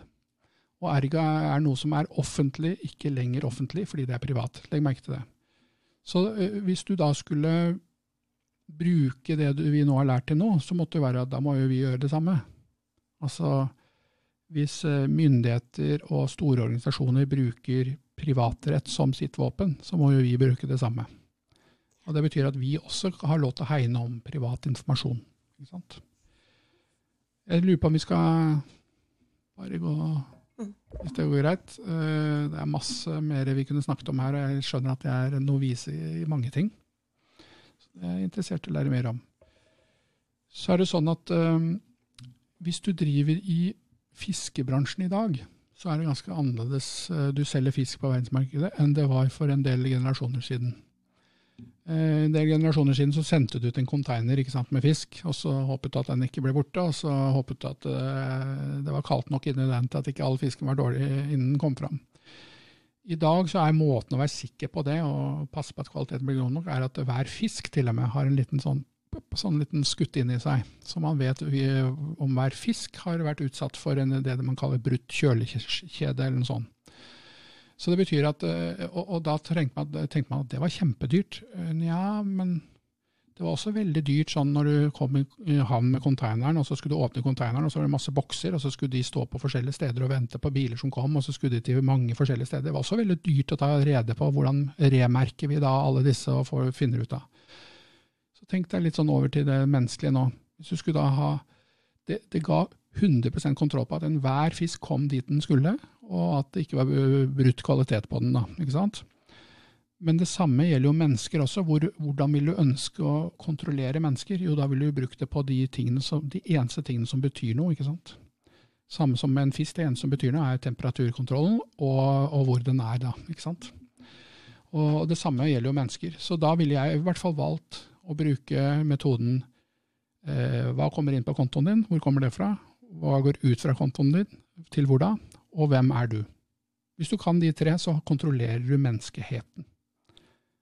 Hvorfor det? Jo, fordi at uh, du finner ut av har du da bil, har du mobiltelefon, har du hus, mm. har du lån? Mm. Uh, hvem er vennene dine? Er, Hvor oppholder du deg? Alt det. Så når uh, veldig mye sånn prophecy, sånn der revelations, som snakker om sånn, the mark og the beast, altså, det, det handler det er ikke sikkert vi trenger å bry oss så veldig mye om det, men grunnen til at det er så stort tema, det er jo at uh, hvis du kontrollerer hva folk kjøper og selger, og hvem de er, så har du 100% kontroll over alle. For ingen klarer å leve uten det i dag. Da må du bo i skogen liksom, og jakte selv, og, og, selv da må du ha noen ting, stort sett. Så det det betyr, da, er at uh, vi må være veldig nøye på hva transaksjonene er. Og dette gjelder jo også informasjon. Altså Hvis du vet hvem som sender informasjon, hvem som mottar informasjon, og hvem de partene er, så har du også 100 kontroll sånn i ecclesiastical terms, eh, hva folk tror på og tenker på og oppfatter som sitt verdensbilde. Mm. Og du kan nesten, dette er jo, Dere husker kanskje en sånn sak under første Trump-valget hvor, hvor, det var noen som hadde eh, med visse algoritmer klart å finne ut hva folk kom til å stemme. Ikke sant? Og det var de jo veldig gode til. Så de kunne sway your vote og sånn med å fortelle og få deg inn i ulike typer sånne quizzes og masse forskjellig. Så det jeg bare mener er at vi kommer ikke rundt da, altså Hvis vi skal ha protection og remedy og rights og my reset, så hjelper det jo veldig lite hvis de sitter ja, gjør hva dere vil, men du vet, hver gang du skal åpne bankkontoen din, så er det bank-ID. Og hver gang du skal betale eh, nå er det, Jeg har jo også utenlandske bankkort osv. Nå må jeg inn med bank-ID for å betale på drikken, liksom. Mm. Jeg syns jo det er drøyt. Mm. Og en liten stund her, i mellomstund her, hvor de skifter systemer, så var det sånn jeg måtte inn med det hver gang. Det er liksom Oi, da har du kontroll på folk. Mm. sånn at øh, Så det jeg vil inn på, da, det er at øh, nå går verden krypto og digital. Og det er systemet også til myndighetene. Ikke jeg vil ikke si myndighetene, men de som står bak myndigheter. De vil ha det. De vil ha krypto. De vil ha blokkjein-teknologi. De Hvorfor det? Jo, fordi de bygger inn det samme i det som de bygger inn i alle andre systemer. Altså at Det spiller ingen rolle hva du har på kryptokontoen din. Skal du ha det ut derifra til å bruke til noe som helst, da har vi det. Da vet du hvem du er og hvor, du er, ikke sant, videre. Mm. Og, øh, og, og, det samme med altså blokkjede. Livet ditt blir som en blokkjede. Alt står på den blokkjeden. Hvor du har vært, hva du gjør. Sånn er det jo i Kina allerede. Du vet om du har gått over på rød mann, du vet om du har handlet i den butikken. Du vet, ikke sant? Hvem, de vet til og med om du har besøkt bestemoren din. liksom. Så kontanter blir borte? Så Det betyr også at penger som sådan, sånn som vi kjenner det, eh, kontanter, i, eh, kontanter blir helt sikkert borte. Men det som også blir borte, er penger i sin, sin nåværende form. Mm. Altså At det er noe du råder over, som du bestemmer hva du vil bruke til. Det er et ønske om at det skal ikke være sånn lenger. Penger er jo noe som gir deg frihet i livet, at du kan veksle det inn og bruke det til enten det er hus Absolutt. eller bil. eller noe sånt. Noen velger å kjøpe en Ferrari, andre velger å kjøpe et stort hus. Mm. Noen velger å spare penger. Det er forskjellige måter å gjøre det på. Det valget er det ikke sikkert du har lenger, når det er sånn dette må du bare bruke på strøm, dette kan du bare bruke på ferie, dette kan du bare bruke til huset ditt. Programmerbare penger blir jo realitet. Mm. Mm, jeg tenker at det er veldig viktig å ta med forståelsen av at det er naturlov egentlig er ei levende lov. Det er ikke skrevet lov eller fiksjon. Det er levende lov som er virksom. Det er energi. Så, så det der med å også huske hvem vi er, og hvordan vi innenifra påvirker det ytre speilet, det er i hvert fall det, Sånn lever jeg. Og, og da, da, bestemmer jeg egentlig hvordan livet mitt skal være, og hvilke premisser som gjelder.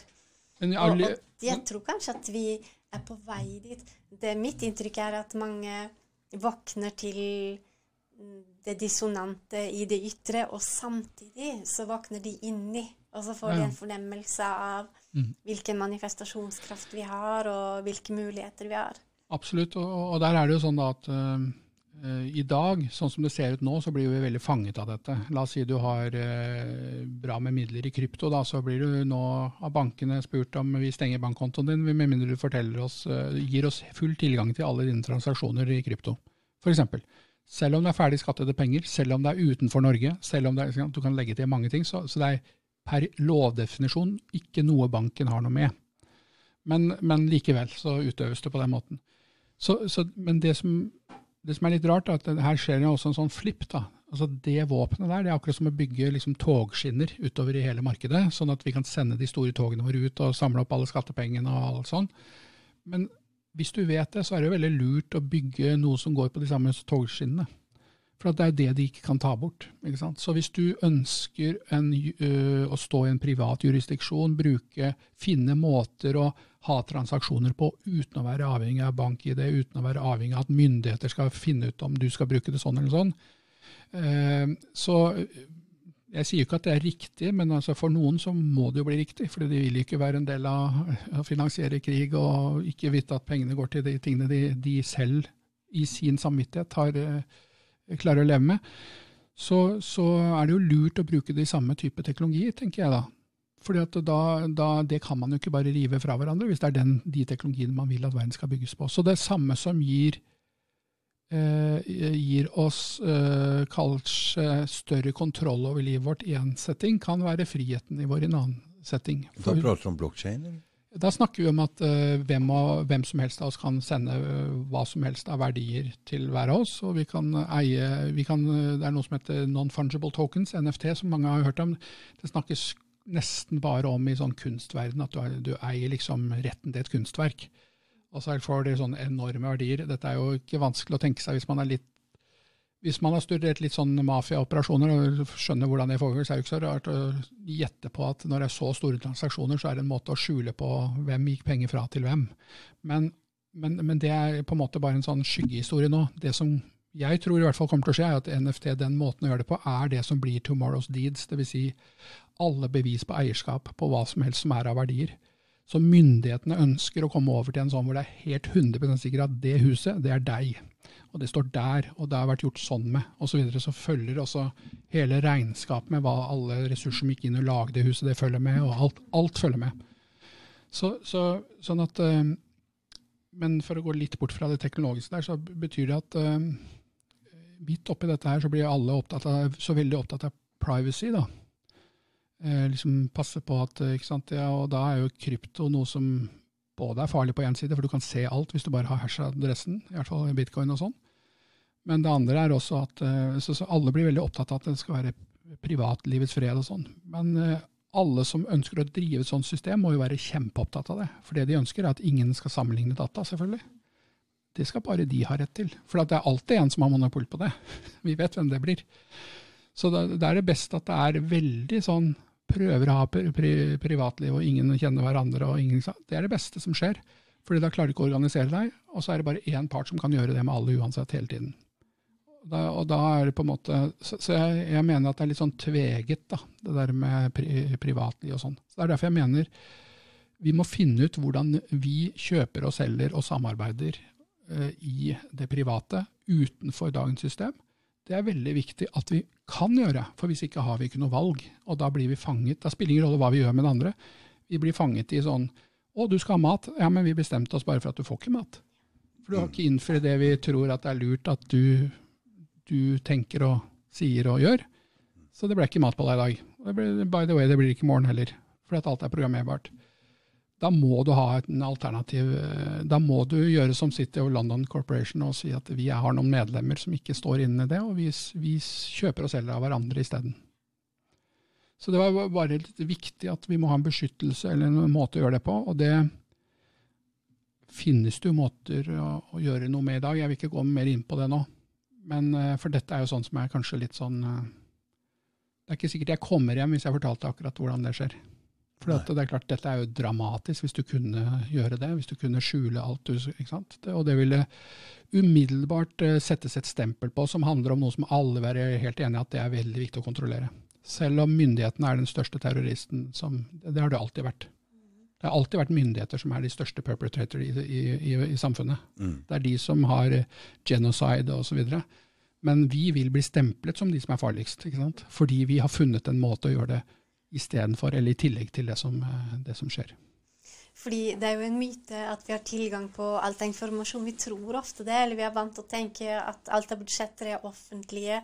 Men, men all, alle systemer jeg har sett, er organisert på en need to know basis. Mm. Så innenfor bankene så har du noen autoriserte til å se på noen skjermer, mm. og, og, så må du lenger og lenger og lenger bak, og lenger og lenger inn i militære jurisdiksjoner for å kunne se mm. green screens og grey screens og black screens. Mm. Så det finnes jo et hav av forskjellige budsjetter, og akkurat den lille fronten som er det offentlige livet, og ja marionettene på Stortinget. Mm. Det er det vi får se og rette hele vårt fokus mot, men, men, det er jo ikke der. Det er jo ingenting der. Nei, og det er mange som sier at uh, hører på de tingene vi snakker om nå, og kommer med sånne skjellsord til oss for at vi driver med noen konspirasjoner. Det lar seg aldri gjennomføre. for at, sant, Hvordan ville folk tillate at det skjer? Altså, Dette er kjempeenkelt. Det er sånn, uh, Alle som har vært i militæret, vet at uh, du kan spørre sjefen din om hvorfor du skal gjøre ting. Det får du ikke svar på. Og aller Eh, mest sannsynlig så vet han ikke det engang. Og det er ikke sikkert at hans overordnede vet det engang. Sånn lager du systemet. Mm. Så det er need to know. Du, du, er menig. Du spør liksom sjanten om uh, hvorfor det. Så jeg, jeg fikk den ordren, jeg. Og når du har to nivåer imellom, så er det sånn, eh, da, da, klarer til og med folk å gi ordre som de normalt aldri kunne klart å gi. Dvs. Si, ta livet av folk eller gjøre veldig alvorlige ting. Mm. Fordi det er så lang avstand til de som skal faktisk gjennomføre det. Mm. Og Det har vi snakket om før. altså Det er vi som eh, menige mennesker som går rundt, som er våpnene og eh, bødlene. Det er jo vi som gjennomfører alt som sies nå. Når noen sier jeg liker ikke sånn, nei, stopp og gjør det, da. Det er jo det er lov å si nei. Mm. Og det er lov å si at det, det, det, liker jeg ikke, det har jeg ikke lyst til å være med på. Eh, og da, da Hvilke våpen har man da? Liksom, du, det var jo du som var våpenet, det er du som skal gjennomføre, det er du som er bøddelen, og så er det du som er, eh, og så er det du som selvfølgelig også er offeret. Da blir det ikke noe mer offer, da. Hvis du stopper å gjøre det, og det gjør neste også. Og det er ikke sånn at alle må stoppe samtidig. Det er bare tull. Det er jo ganske få som skal til å stoppe opp noen ting. Det har vi sett med berømte bilder fra Den røde plass osv. som mm. noen som stopper en eh, Var det Den røde plass? Det husker jeg ikke akkurat nå. Var det ikke i Kina? Det var nok i Kina, ja. Men, uh, Vietnam? Eller, ja, der skjer det. Det er viktig å tenke i bilder, men ikke nødvendigvis ja. Men jeg tror dette er veldig viktig å erkjenne, at, at det er veldig lett å ut, rulle ut noe som ikke er til beste for folk, eh, uten at de egentlig vet noen ting eh, omtrent om det, og kanskje ikke de som er med på det engang. Så hvis vi går over til my reward, jeg tror det er veldig viktig. For det spørsmålet, ikke sant, nå snakket vi om at uh, en tidligere finansminister fortalte Obama da han hentet fredsprisen at vi hadde ca. 78-80% skattetrykk i Norge. Og Det syntes jo noen var veldig rart å høre, for det var ikke meninga at vi skulle høre. da. Men eh, så gikk de hjem og så regnet på hva du sitter igjen med når du har jobbet litt og, så videre, og hva, hva ting går til. Så oi, det stemmer jo. Ja, Det er bare at i ethvert samfunn så er det forskjellige måter å samle det inn det på, selvfølgelig. Så hos oss er det veldig lett å gjøre ting som er sånn sosial, vi må dele sosialt på ting. Det er veldig lett. Hvis du går til New Hampshire og prøver å gjøre det, det, det går ikke. Der har man ikke inntektsskatt, og man har heller ikke, eh, man har heller ikke det som heter eh, altså VAT, altså merverdiavgift. Så der raser det folk ned fra Canada for å kjøpe ting, for at det er mye billigere, selvfølgelig. Mm. Så hvordan får de økonomien til å gå rundt? Da Nei, det er, da er det satt sammen på en helt annen måte. Da Da betaler de for det de bruker, f.eks. Mm. Eh, og, Det er alltid det første, første staten som gjør valg. Hva det er New Hampshire? det Det er veldig viktig hva de gjør, New England. Ja. Det det. Men eh, For det gir tegn veldig på en dreining av hvordan folk tenker og sånn. og det, det, er liksom ytterpunktet av å kalle eh, konservative da, på mange måter. På den måten at eh, konservative i forstand av at de tenker sånn som det var i gamle dager. da. Mm. Men, og så er det jo veldig britisk kontrollert, selvfølgelig. Men, men det er veldig viktig dette her med hva er vår reward av å gjøre ting annerledes? Du kaster New England, det.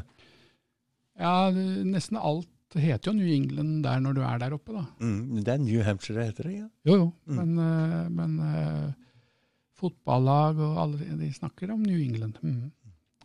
Uh, det er sikkert en uh, Jeg har ikke lest hele historien på det, hvorfor det er sånn. Men så går det an å Det vi må tenke på, er at vi er slaver på et slaveskip. Det er vi jo. Og da, når vi er det, så er jo ikke rewarden så veldig stor. Hvis du skulle klare å uh, kalle det ikke rømme, da, men i hvert fall frivillig velge å være passasjerer på et annet uh, skip, hvor vi selv bestemmer hvor det skipet skal, om vi er passasjer eller vil jobbe litt på det, eller vil være kaptein eller hva som helst, så er det i hvert fall mulig å lage seg noen spilleregler som gjør at uh, utkommet av det blir annerledes for oss. da. Så det jeg mener da er f.eks. Uh, hvis du har noe av verdi som en oppfinnelse som du vil patentere, så er jo det to register. Det betyr at nå eier du ikke, eier du ikke den lenger. Du får lov til å utnytte den legally på, med noen års uh, headstart, som det heter. Og, du, og det er ganske bra å patentere for mange bedrifter, for du får da hjelp av The Crown ikke sant, til å beskytte eiendelen din. Så det høres jo fint ut. Men du må jo være klar over at du, den dagen du signerte en application, og, eller fikk den innvilget, så er det ikke din eiendel lenger. Sånn er det jo. Og det gjelder også alle typer work. Ikke sant? Husker Prince sa det at I signed my soul to the devil. Det han mente var at eh, han signerte en slavekontrakt med plateselskapet sitt som gjør at eh, det spiller ingen rolle hva han gjør. Eh, 80% 90% går til noen andre. Uansett hva han skaper. For lifetime. Ikke sant? Han prøvde seg litt utenom, da. Det var litt vanskelig. Men eh, det betyr også at eh, arbeidet vi gjør, eh, måles jo da kun på én måte i dag. Og arbeid er i definisjon time and attention. Det er klart at eh, det betyr at vi gjør masse arbeid når vi har fritid også. Det vil si når vi sitter på mobiltelefonen vår og er på Facebook, så er det masse time and attention vi give away. Altså. Så Mm. de suger ut energien vår der. Så høres ikke det så alvorlig ut. Det er jo noe vi frivillig velger å gjøre. Ja, men du husk på at det er energi du kunne brukt et helt annet sted. Mm. Eh, og um, la oss si du har brukt samme tiden på å være kreativ og skape noe da, som er til glede for familien. Det kan si ja, jeg har jo glede av det, da. Ja, ok. Men eh, bare tenk liksom, hvis du akkumulerer dette opp til å bli millioner på millioner, faktisk milliarder av mennesker som gjør det, så er jo så mye av tiden deres krefter som de kunne brukt på å skape seg noe annet, den er sølt bort da på noe hvor du ikke styrer hva det brukes til. Så det jeg mener med reward, er at uh, den store rewarden her er jo én, bli trygg i seg selv, vite at man eier seg selv, vite at alt man gjør kan man claime rettigheten til men også inntektene fra. Også 100% Nå er jo ikke en sånn at jeg står og melder her at her skal ingen betale skatt. eller sånn. Det er helt fritt valg for alle hva de gjør. Eh, og jeg betaler gladelig mange ulike typer ting, men det er viktig å vite at uh, du har et alternativ. Du kan uh, ja, Jeg vet ikke om du hadde lyst til å kommentere det? Jeg tenkte litt på det var veldig fint det du sa, og jeg vil gjerne si at jeg opplever at det er veldig viktig å få tak i viljen din. Hva er det du vil? Uh, og det er noe som mange ikke tenker mye på. Fordi vi go along to get along. Vi følger trenden og bølgen, og så vet vi ikke inni oss hva det er vi vil. Men alle skapelsesmytologier anerkjenner det kraftfulle i det å ha en intensjon. Så selv i Bibelen står det i begynnelsen var ordet, altså intensjonen. Mm. Så det å få tak i hva er det jeg vil, fordi så skapes det resultater nesten umiddelbart inn i mm. livet ditt når du connecter med hva er det du vil, rett og slett. Ja, absolutt. Og det, og det, er vel kanskje nesten det vanskeligste i livet. Vite hva man vil. Mm. Det er ja, nesten det vanskeligste. Og det er derfor også noen mennesker som har enten kommet på kant med loven, eller kommet på kant med familien sin, eller blitt presset inn i et eller annet, mistet alt de har, f.eks. veldig lite å tape. Plutselig så blir det alt mye enklere. Du, du, har bare én vei å gå, ikke sant? Du, og det blir veldig tydelig hva det neste du bør gjøre, er. Så det er klart, i samfunn som vi er vant til, hvor vi liksom overskuddssamfunn, og vi har nesten alt vi trenger, og vi trenger ikke å bry oss om noe, og, og liksom Nesten det beste du kan si, det er at jeg har ikke tenkt å overlate noe til barna mine. For at eh, de klarer seg helt fint selv. og så. Legg merke til hvor mange kjente mennesker som gjør det om dagen. De sier nei, nei, nei, men det skal ikke stå noe etter meg når jeg går. Mm. Eh, Nagel Eriksen har Der er det rettssak nå med døtteren, døtrene osv. Så så, sånn at um, det er jo litt Og det er litt motsatt av det jeg erfarte at de rikeste menneskene tenker. De som er i London. De, de tenker i hvert fall helt motsatt. De tenker mm. at familien er det viktigste, og så får det bli noe ut så, så, får andre ting ordne seg på andre måter, så lenge familien klarer seg. da. Men øh, jeg bare tenkte hvis vi bytter til neste, så jeg tror vi nærmer oss jo litt sånn avrunding her nå. Men alt dette handler jo om at uh, det er veldig vanskelig å vite alt når du starter på noe. Og da er det veldig vanskelig å komme i gang med noe. Uh, og da er det egentlig bare tre ting å si om det. Så det står bare My Education. da. Så Det ene er at uh, man trenger jo ikke å være aleine. Vi er jo tre stykker som snakker her, og vi snakka jo lenge før vi Mm, Bytte dagens mm, mm, samtale. Og jeg hadde masse glede av å lære nye ting som jeg ikke visste om fra før. Mm. Det håper jeg Tenk på meg, da. ja, ja. ha begge dere to her. og det andre er å dele, dele, historier, for det er historier som står med oss. Det er de som kommer til oss når vi trenger det. ikke sant? Det, det, å dele liksom sånn å dele en historie om eh, hvordan noen reiste gjennom hele Europa med sånn health affidavit, det er jo kjempenyttig. Det er så, å, er det så lett? Og, å, er det forskjell på Eh, landet du reiser fra og landet du endelig skal til, og de landene du passerer på veien. Å ja, det visste jeg ikke. Og det er stor forskjell på det. Det er stor forskjell på hva alle myndigheter må gjøre, er pålagt å gjøre osv. Så sånn at uh, in transit, f.eks. Og så lære om dette her, det har jo kjempestor verdi for veldig mange mennesker. Mm. Uh, og så sånn, så er det det å få noen sånne early wins. altså Vi vet at oi, nå vant vi noe på det. Og Der syns jeg du sa noe veldig fint. Altså, det er jo ikke er, sånn som jeg forsto det, da, så er det jo ikke det bare det å vite alt og vite at det blir riktig og at det virker, og sånn, men det er også vite at du står i deg selv og kan være stolt av fast på det du tror på. Og ha en conviction, altså en, en overbevisning. For det i seg selv, bare tenk deg å møte mennesker som sier jeg er ikke helt sikker, hva får jeg lov til å gjøre da? Eller å, du sier at du skal ha sånn, å ja, men hvorfor det? Ja, ok, ja, nei, jeg får vel kanskje det, da. Det er ganske stor forskjell på det å se noen som sier du kan ikke trå over her, du gjør ikke sånn, for dette kan du ikke gjøre, dette har du ikke lov til, og hvis du gjør sånn, så må jeg nesten rette deg. Det er ganske stor forskjell på de to tingene der. Mm. Så, og da, da, tenker jeg sånn, bare det i seg selv, å være så bevisst og så sterk, det La oss si du tok 10 feil, da, men sannsynligheten for at de 10 feller deg, er veldig liten. Compared to eh, at du i hvert fall vet hva som skjer hvis du bare bend over. Altså se face the floor, liksom. Det, det, det er noe helt annet. Eh, da er du i hvert fall sikker på hva som skjer med deg. Da er du i hvert fall sikker på at du ikke kontrollerer hva som skjer. Så jeg tenker det er viktig, og så tenker jeg at um, uh, det er to ting jeg har tenkt på. Det ene er hvis du går inn i et helt, helt mørkt rom, og så sier du at å, dette her var det vanskelig å være. Jeg ser ingenting, jeg vet ikke hva jeg skal gjøre. Hvor, oi, dette var litt skummelt til og med. Så ville selv et lite stearinlys løse masse. ikke sant? Mm. Det er ikke sånn at du må ha alt lys og se alle hjørnene og se alt hva som skjer. Det hjelper mye allerede med et stearinlys. Og hvis du klarer søren meg Og det er, det er en uh, veldig fint dikt av, av uh, han nynorsk uh, Hva heter han igjen? Han Ivar Aasen, som sier at et lys brenner ikke dårlig om du tenner et annet med det. Uh, og det er sabla godt sagt. Jeg vil ikke si det på nynorsk, jeg sa det på bokmål. Men altså det det betyr selvfølgelig er at hvis du har et stearinlys, og så hjelper du noen andre å tenne sitt, så brenner jo ikke ditt noe dårligere. Du har jo ikke tatt noen ting. Det er faktisk Plutselig er to lys, gitt. Og så kommer en tredjeperson som tenner litt Oi, nå har vi tre.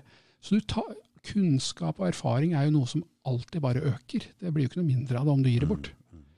Tvert om. Og så, så, så den derre darkness og light, den der er bra analogi, for det betyr at selv det minste lille spor av noe som kan begynne å hjelpe, vil være en gevinst for oss allerede dag én. Og det er mange som tror at nei, det er for vanskelig. Nei, begynn med det, det første, da. ikke sant? Og så er det et forhold til å se på det er et veldig, På engelsk er det noen fine ord. da, ikke sant? Eyes, eksempel. Øyne. Altså, uh, do you use your eyes to see? Or do you want someone to see you? Det er ganske stor forskjell på de to tingene. De som lever livet sitt med at I want someone to see me, ja, de lever i noen andres verden, og de andre skjønner hva som foregår. Det gjør ikke du. Du er bare opptatt av å bli sett, sett, sett, sett. Eh, det kan jo hende at det er greit, men da vet du at de som bruker øynene til å se med og lære å få innsikt, det er jo de som styrer hva, hva du både får lov til å bli sett på, og ser, eh, hvordan anerkjennelse de gir deg. Så det, det, jeg mener med litt det, altså, jeg synes kanskje jeg måtte trene meg selv på det. Det å være opptatt av hva andre syns det, kan jo ikke ha noe å si. Og Det er derfor jeg heller ikke ville være offentlig ut med hvem jeg er, for det, det har ikke noe å si. Det er, det er, er et sidespor. Det, som er viktig, er at folk bruker øynene å se med og stoler på seg selv, og velger det de vil ha i livet sitt, uh, uansett hvem som har sagt det. Og man finner alltid et eller annet på noen som bare det, det evaluerer eh, dem. Det er ikke noe vanskelig. Det finner du med meg, og helt sikkert. Så Derfor så var det viktigere for meg at jeg er med på en dialog sammen med folk som vil noe bra, eh, og deler med det jeg har sett. Du, jeg var noe jeg hadde tenkt å promotere litt i dag, og det er at han Robert Arthur Munard han har jo plutselig bestemt seg for å komme tilbake igjen. Og den 22. desember så la han faktisk ut noe om hvis det er noen som vil lære om lov, han skal holde noen, han trenger folk i mange land, og vær så god, gå inn og bli venn med han på Facebook, og titt på hva han la ut den 22. desember. Hvis det er noen som er interessert i å lage noen lokale um, Få i gang noe i mange forskjellige land, så er han villig til å prøve å, å hjelpe folk med det. Og mm. når jeg tenker det, så tenker jeg kanskje at har du en YouTube-konto? fordi Når denne premieren blir lagt ut på YouTube, så er det mange folk som vil mm. prate og sånne mm. ting. Og det går en sånn direktechat her. Kanskje du også, Ingunn, vil være interessert i å hvis du er tilgjengelig på nettet? Da. Jeg syns det er veldig lurt at du, eh, du, passer på at eh, der hvor du legger ut dette, så kan folk kommentere og spørre osv. Så, videre, så får vi heller finne måter vi kan delta i den dialogen på. Det ville mm, vært bra. Mm, mm. Halv syv ja. på torsdag blir jo denne lagt ut. Mm. Og da går en sånn direktechat akkurat der eh, da, når den går premieren, hvor folk kan spørre direkte. Men også i kommentarfeltet så er det jo mange som vil lære mer om det her. Mm. Og da Altså, jeg kan jo ikke noe om det her. Ingen kan jo litt om det, og du mm. kan jo litt, en del om det. Og det er mange andre folk som jobber med dette her, det vet vi jo. Det er jo advokater, jurister overalt. Ikke bare i Norge, men overalt i hele verden som er interessert i dette temaet nå. Det er tydelig at det er noe har truffet en nerve her, og at det er mange som er opptatt av det. Det forstår jeg godt. Fordi den tida vi er nå, så er dette absolutt Mm. noe som bør vokse, og noe vi trenger. Ja, Så, ja, Ingunn, si noe. jeg, jeg føler at det vokser helt utrolig. Og jeg har i hvert fall hatt god anledning til å følge med på det og sett det og blitt utrolig glad. Um, veldig mange som deltar nå, som i hvert fall jeg aldri har sett før. Mm. Um, For du har latt det ligge lenge nå, ikke sant? For det nytter ikke å jobbe med det, for det var ikke, tida var ikke moden. Jeg har følt det sånn. Og Det er jo veldig merkelig at eh, når vi ser den, hvordan den episode 1 her tok helt av, og, og samtidig så kommer Robert Arthur Menard og kommer ut igjen med at han også kommer nå med Freeman 2. Du også føler at tida er inne nå for å komme i en gang, for du har ikke gitt opp dette her, ikke sant? Du har bare latt det ligge. Veldig viktig å bare la, la det hvile helt til det er modent og klart. Mm. Men uh, veldig mange organiserer seg på lokalnivå nå. Mm. Da en forening i Vestfold, Stavanger er veldig, veldig mange. Mm. Og de har mange medlemmer. Så jeg tenker at tida er moden akkurat nå. Ja, Jeg det er det jeg at det er veldig, veldig viktig. Mm. Og kanskje å til og med finne en felles plattform, eller Mm. ha en intensjon om nettopp å utdanne seg om hva dette handler om. Ja, for man må utdanne seg litt, og det er som du sier, om man trenger felles erfaringer, hva slags erfaringer vi har, for det er noe vi må lære òg, ikke sant? Det er ikke noe vi kan absolutt dette her, og det trengs erfaringer. Hva, hvordan har du møtt på hva slags Vi må lære av forsøk og prøve og feile. Og jeg skal ta inn en mann til som driver Han er en skikkelig bajas. Han kaster seg over dette og prøver i hytt og pine, og han får til resultater. men han han var ikke helt fornøyd med hva som skjedde i disse gruppene, så han tenkte jeg skal jaggu meg prøve sjøl. Og han er ikke skyggeredd. Altså, han er så tøff. Og det er, oi, oi, oi, han, jeg veit ikke. Men det er en tøffing. Jeg skal ta inn han og høre hva han har å si. Og det er ikke sikkert han har rett. Han har ikke holdt på så lenge med det. Men han mener han har fått en del resultater. Og det er morsomt med folk som tør å prøve og feile i det her. Og så er det litt sånn som han øh, Han øh, Hva heter han da? Han PR-mannen, han øh, Nå står det helt stille her. Å, er første gangen. Ja, ja det er første gangen. Uh, Gelmyten. Gelmyden. Han mm. sier at uh, står du stille, blir du skutt. Så det er mange som har kommet dit i dag hvor de skjønner at hvis jeg ikke gjør noe, så skjer det noe som ikke nødvendigvis jeg har kontroll over, som ikke nødvendigvis uh, taler til min fordel. Mm. Det er i hvert fall mange grunner til å anta at det ikke er det. Eh, Noen kaller det sågar tredje verdenskrig, men med, med silent weapons for silent wars osv. Mm.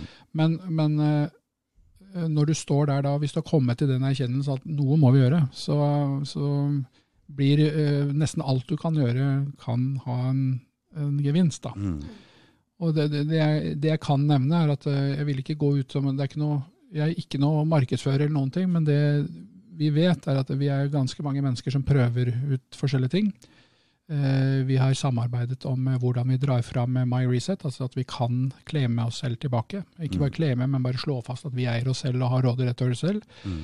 Vi har måter å deale med hvordan vi kan stå, proklamere våre rettigheter og stå i det. Og, ikke sant? Og eh, vi har måter å claime remedy hvis noen tråkker over eh, det vi gjør. Vi har eh, måter vi samarbeider på hvordan vi kan beskytte oss selv, både med bruk av familie, men også ramme inn eiendeler. Eh, Her har vi lært hvordan er de rike gjør det, hvorfor skal ikke vi ha delt det? Hvorfor skal ikke vi kunne gjøre det? Det er fordi, det er ikke fordi de har så mye bedre råd enn alle andre, det er bare at eh, de, de skjønner at eh, det er to parallelle verdener som Men foregår. hvordan, hvordan skal, nå kommer det til å bli en sånn kommentarstorm om hvordan skal vi komme i kontakt Jo, med hverandre. Og, Jo, jo. Mm, Og så er det dette med transaksjoner, at vi må sørge for at det finnes måter å buy, sell and trade med hverandre. Det må vi, eh, Mm. fordi vi må ha alternativer. Og, og da kan vi bruke alt som finnes i dag, så lenge vi har alternativer. Når alternativvinduet lukkes, da er det på en måte over. Da er det noen andre som bestemmer hva vi spiser og når Mm, og så.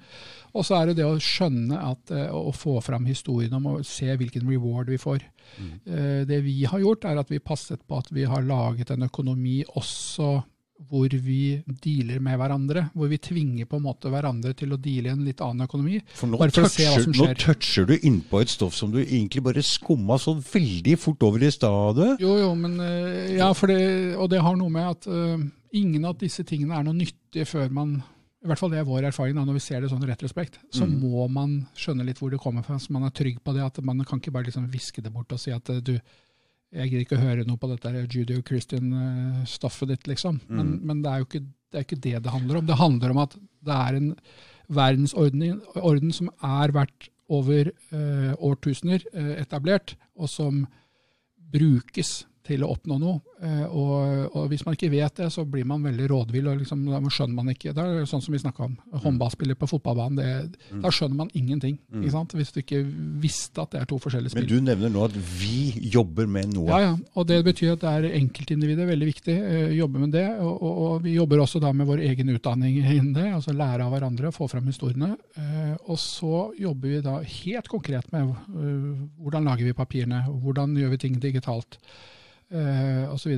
Det jeg tror er den riktige måten å gjøre det på, er at eh, det er du som må være smeltedigelen her, eh, Dag Thomas. Det er du som må fordi vi tar ikke bare inn folk bare utenfra som liksom, ja, la oss åpne hele the cookie jar for you. Liksom. Det, det, gjør vi, det kan vi ikke gjøre.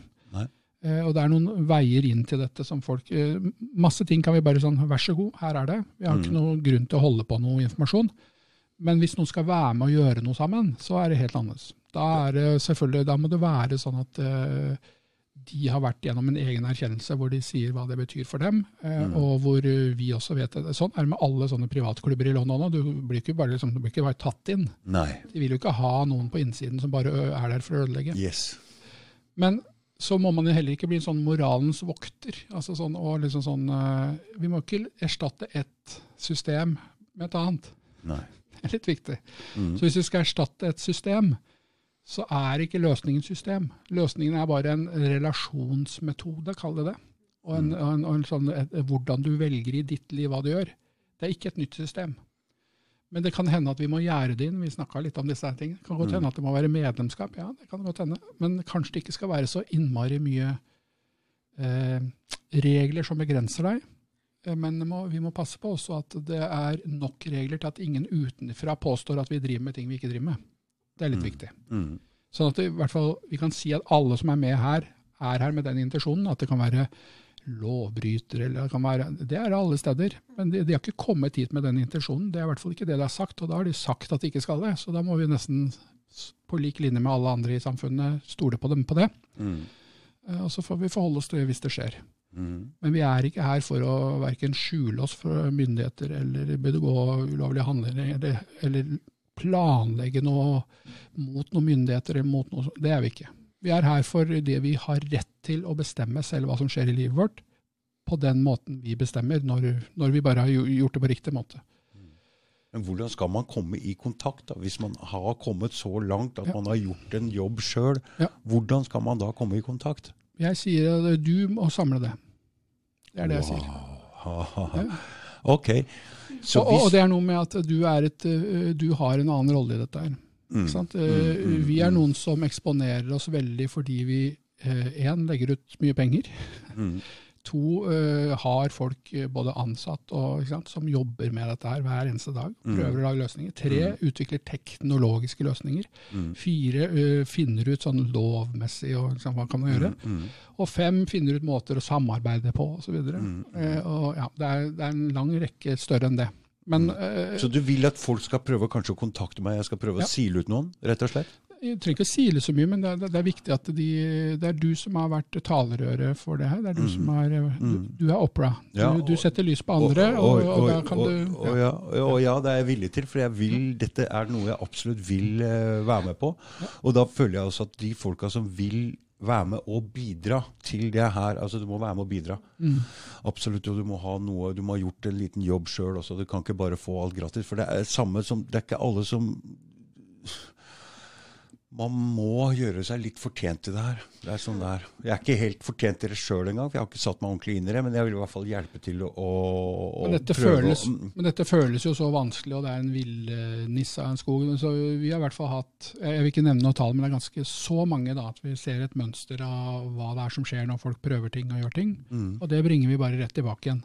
Ja. Så her er det ikke noe forsøk på på en sånn podkast som du har hatt med meg, og nå har flere med her òg, mm. Eh, det, det, kan fort bli liksom bare preg av at oh ja, her er det noen som er et orakel som skal komme. Sånn er det jo ikke i det hele tatt. Nei, nei, nei, det handler bare om å ta alt det vi har erfart, alt vi har sett, og så bare bringe ut der, for det fortjener det.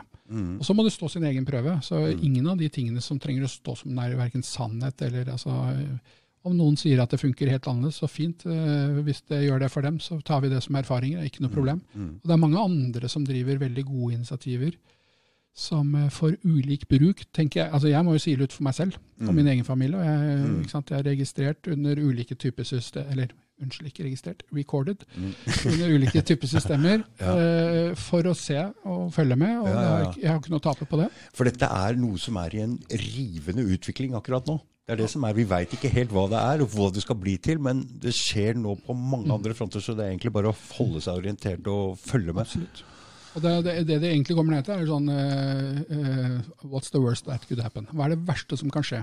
Hvis du ikke gjør noen ting, da er det verste som kan skje er at uh, det noen andre ville for livet ditt, det kan du ikke leve med. Det er det verste som kan skje. Mm, det er det verste som kan skje. Det verste som kan skje hvis du gjør noe, det er at du gjør en feil eller to, og så får du sikkert anledning til å rette opp det igjen. Altså, Mm, Det er ingen som kommer til å nekte deg å prøve å komme inn i folden igjen av det du har Nei, det er du mer enn glad for. glad det for. ikke, sant? Sånn at, eh, så det verste Jeg kan ikke skjønne hva vanskelig som skulle skje. Det måtte være at du blir uh, uglesett av noen, da, kanskje. Ja, for det- og det det er er derfor det er litt nyttig å være litt i et sånn privat community, hvor, du, hvor det er forutsetningen. At vi, vi skal ikke eksponere noen. Nei, Eh, det er alltid riktig å tenke sånn. Hva er det verste som kan skje? Og så tenke på det. Å, det er ikke så ille. Nei, nettopp. Ikke sant? Og så er det klart at øh, Ja, fordi mm, Jeg kan ikke se at det er noe tredje svar. Altså, eh, man, må, man må forholde seg til det som skjer i verden. Og hvis man ikke gjør det, så får man det noen andre vil. Men du, eh, la oss ta og modne det her litt. Og kanskje komme tilbake om et par-tre måneder og se om det har skjedd noen ting. Og Mm. om vi kan gjøre en liten eh, recap på det her. Og se om vi har kommet fram til noe mer. Om vi har Absolutt. fått noe til å skje. Er du ikke enig? Helt enig. Og så kan jeg love at uh, dokumenter og sånn som vi har, det får du, fi- fi- finner du en måte at folk kan få helt fritt tilgang til. For det, når vi har øh, dokumenter for MyReset og øh, ja, åssen du øh, give notice to people, altså sender dem øh, varsler osv. Al alt dette har vi jo. Mm. Så, og det er jo sånn fritt fram Men å bruke. men- hvordan, hvordan men- kan jeg eventuelt legge ut det på Blir det lagt opp på en nettside, eller? eh, Nei, Vi hvordan? finner en måte å laste det, det på. på en sånn Finner en måte ned, nedlastingstjeneste hvor du kan bare gå og hente det. Men hvordan kan jeg, kan jeg linke til det, eller noe sånt? Vi fikser det. Vi fikser det. Bra. Let's go. Brandon, holdt jeg på å si.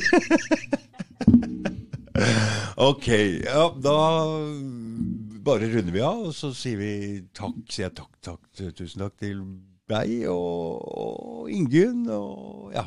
Ja, takk, takk Thomas. Mm. Og takk, Ingunn. Jeg lærte masse. Det, jo. Det var fint å høre på det. Og så Ja. husk på helt til slutt da, at eh, det sterkeste ordet er nei.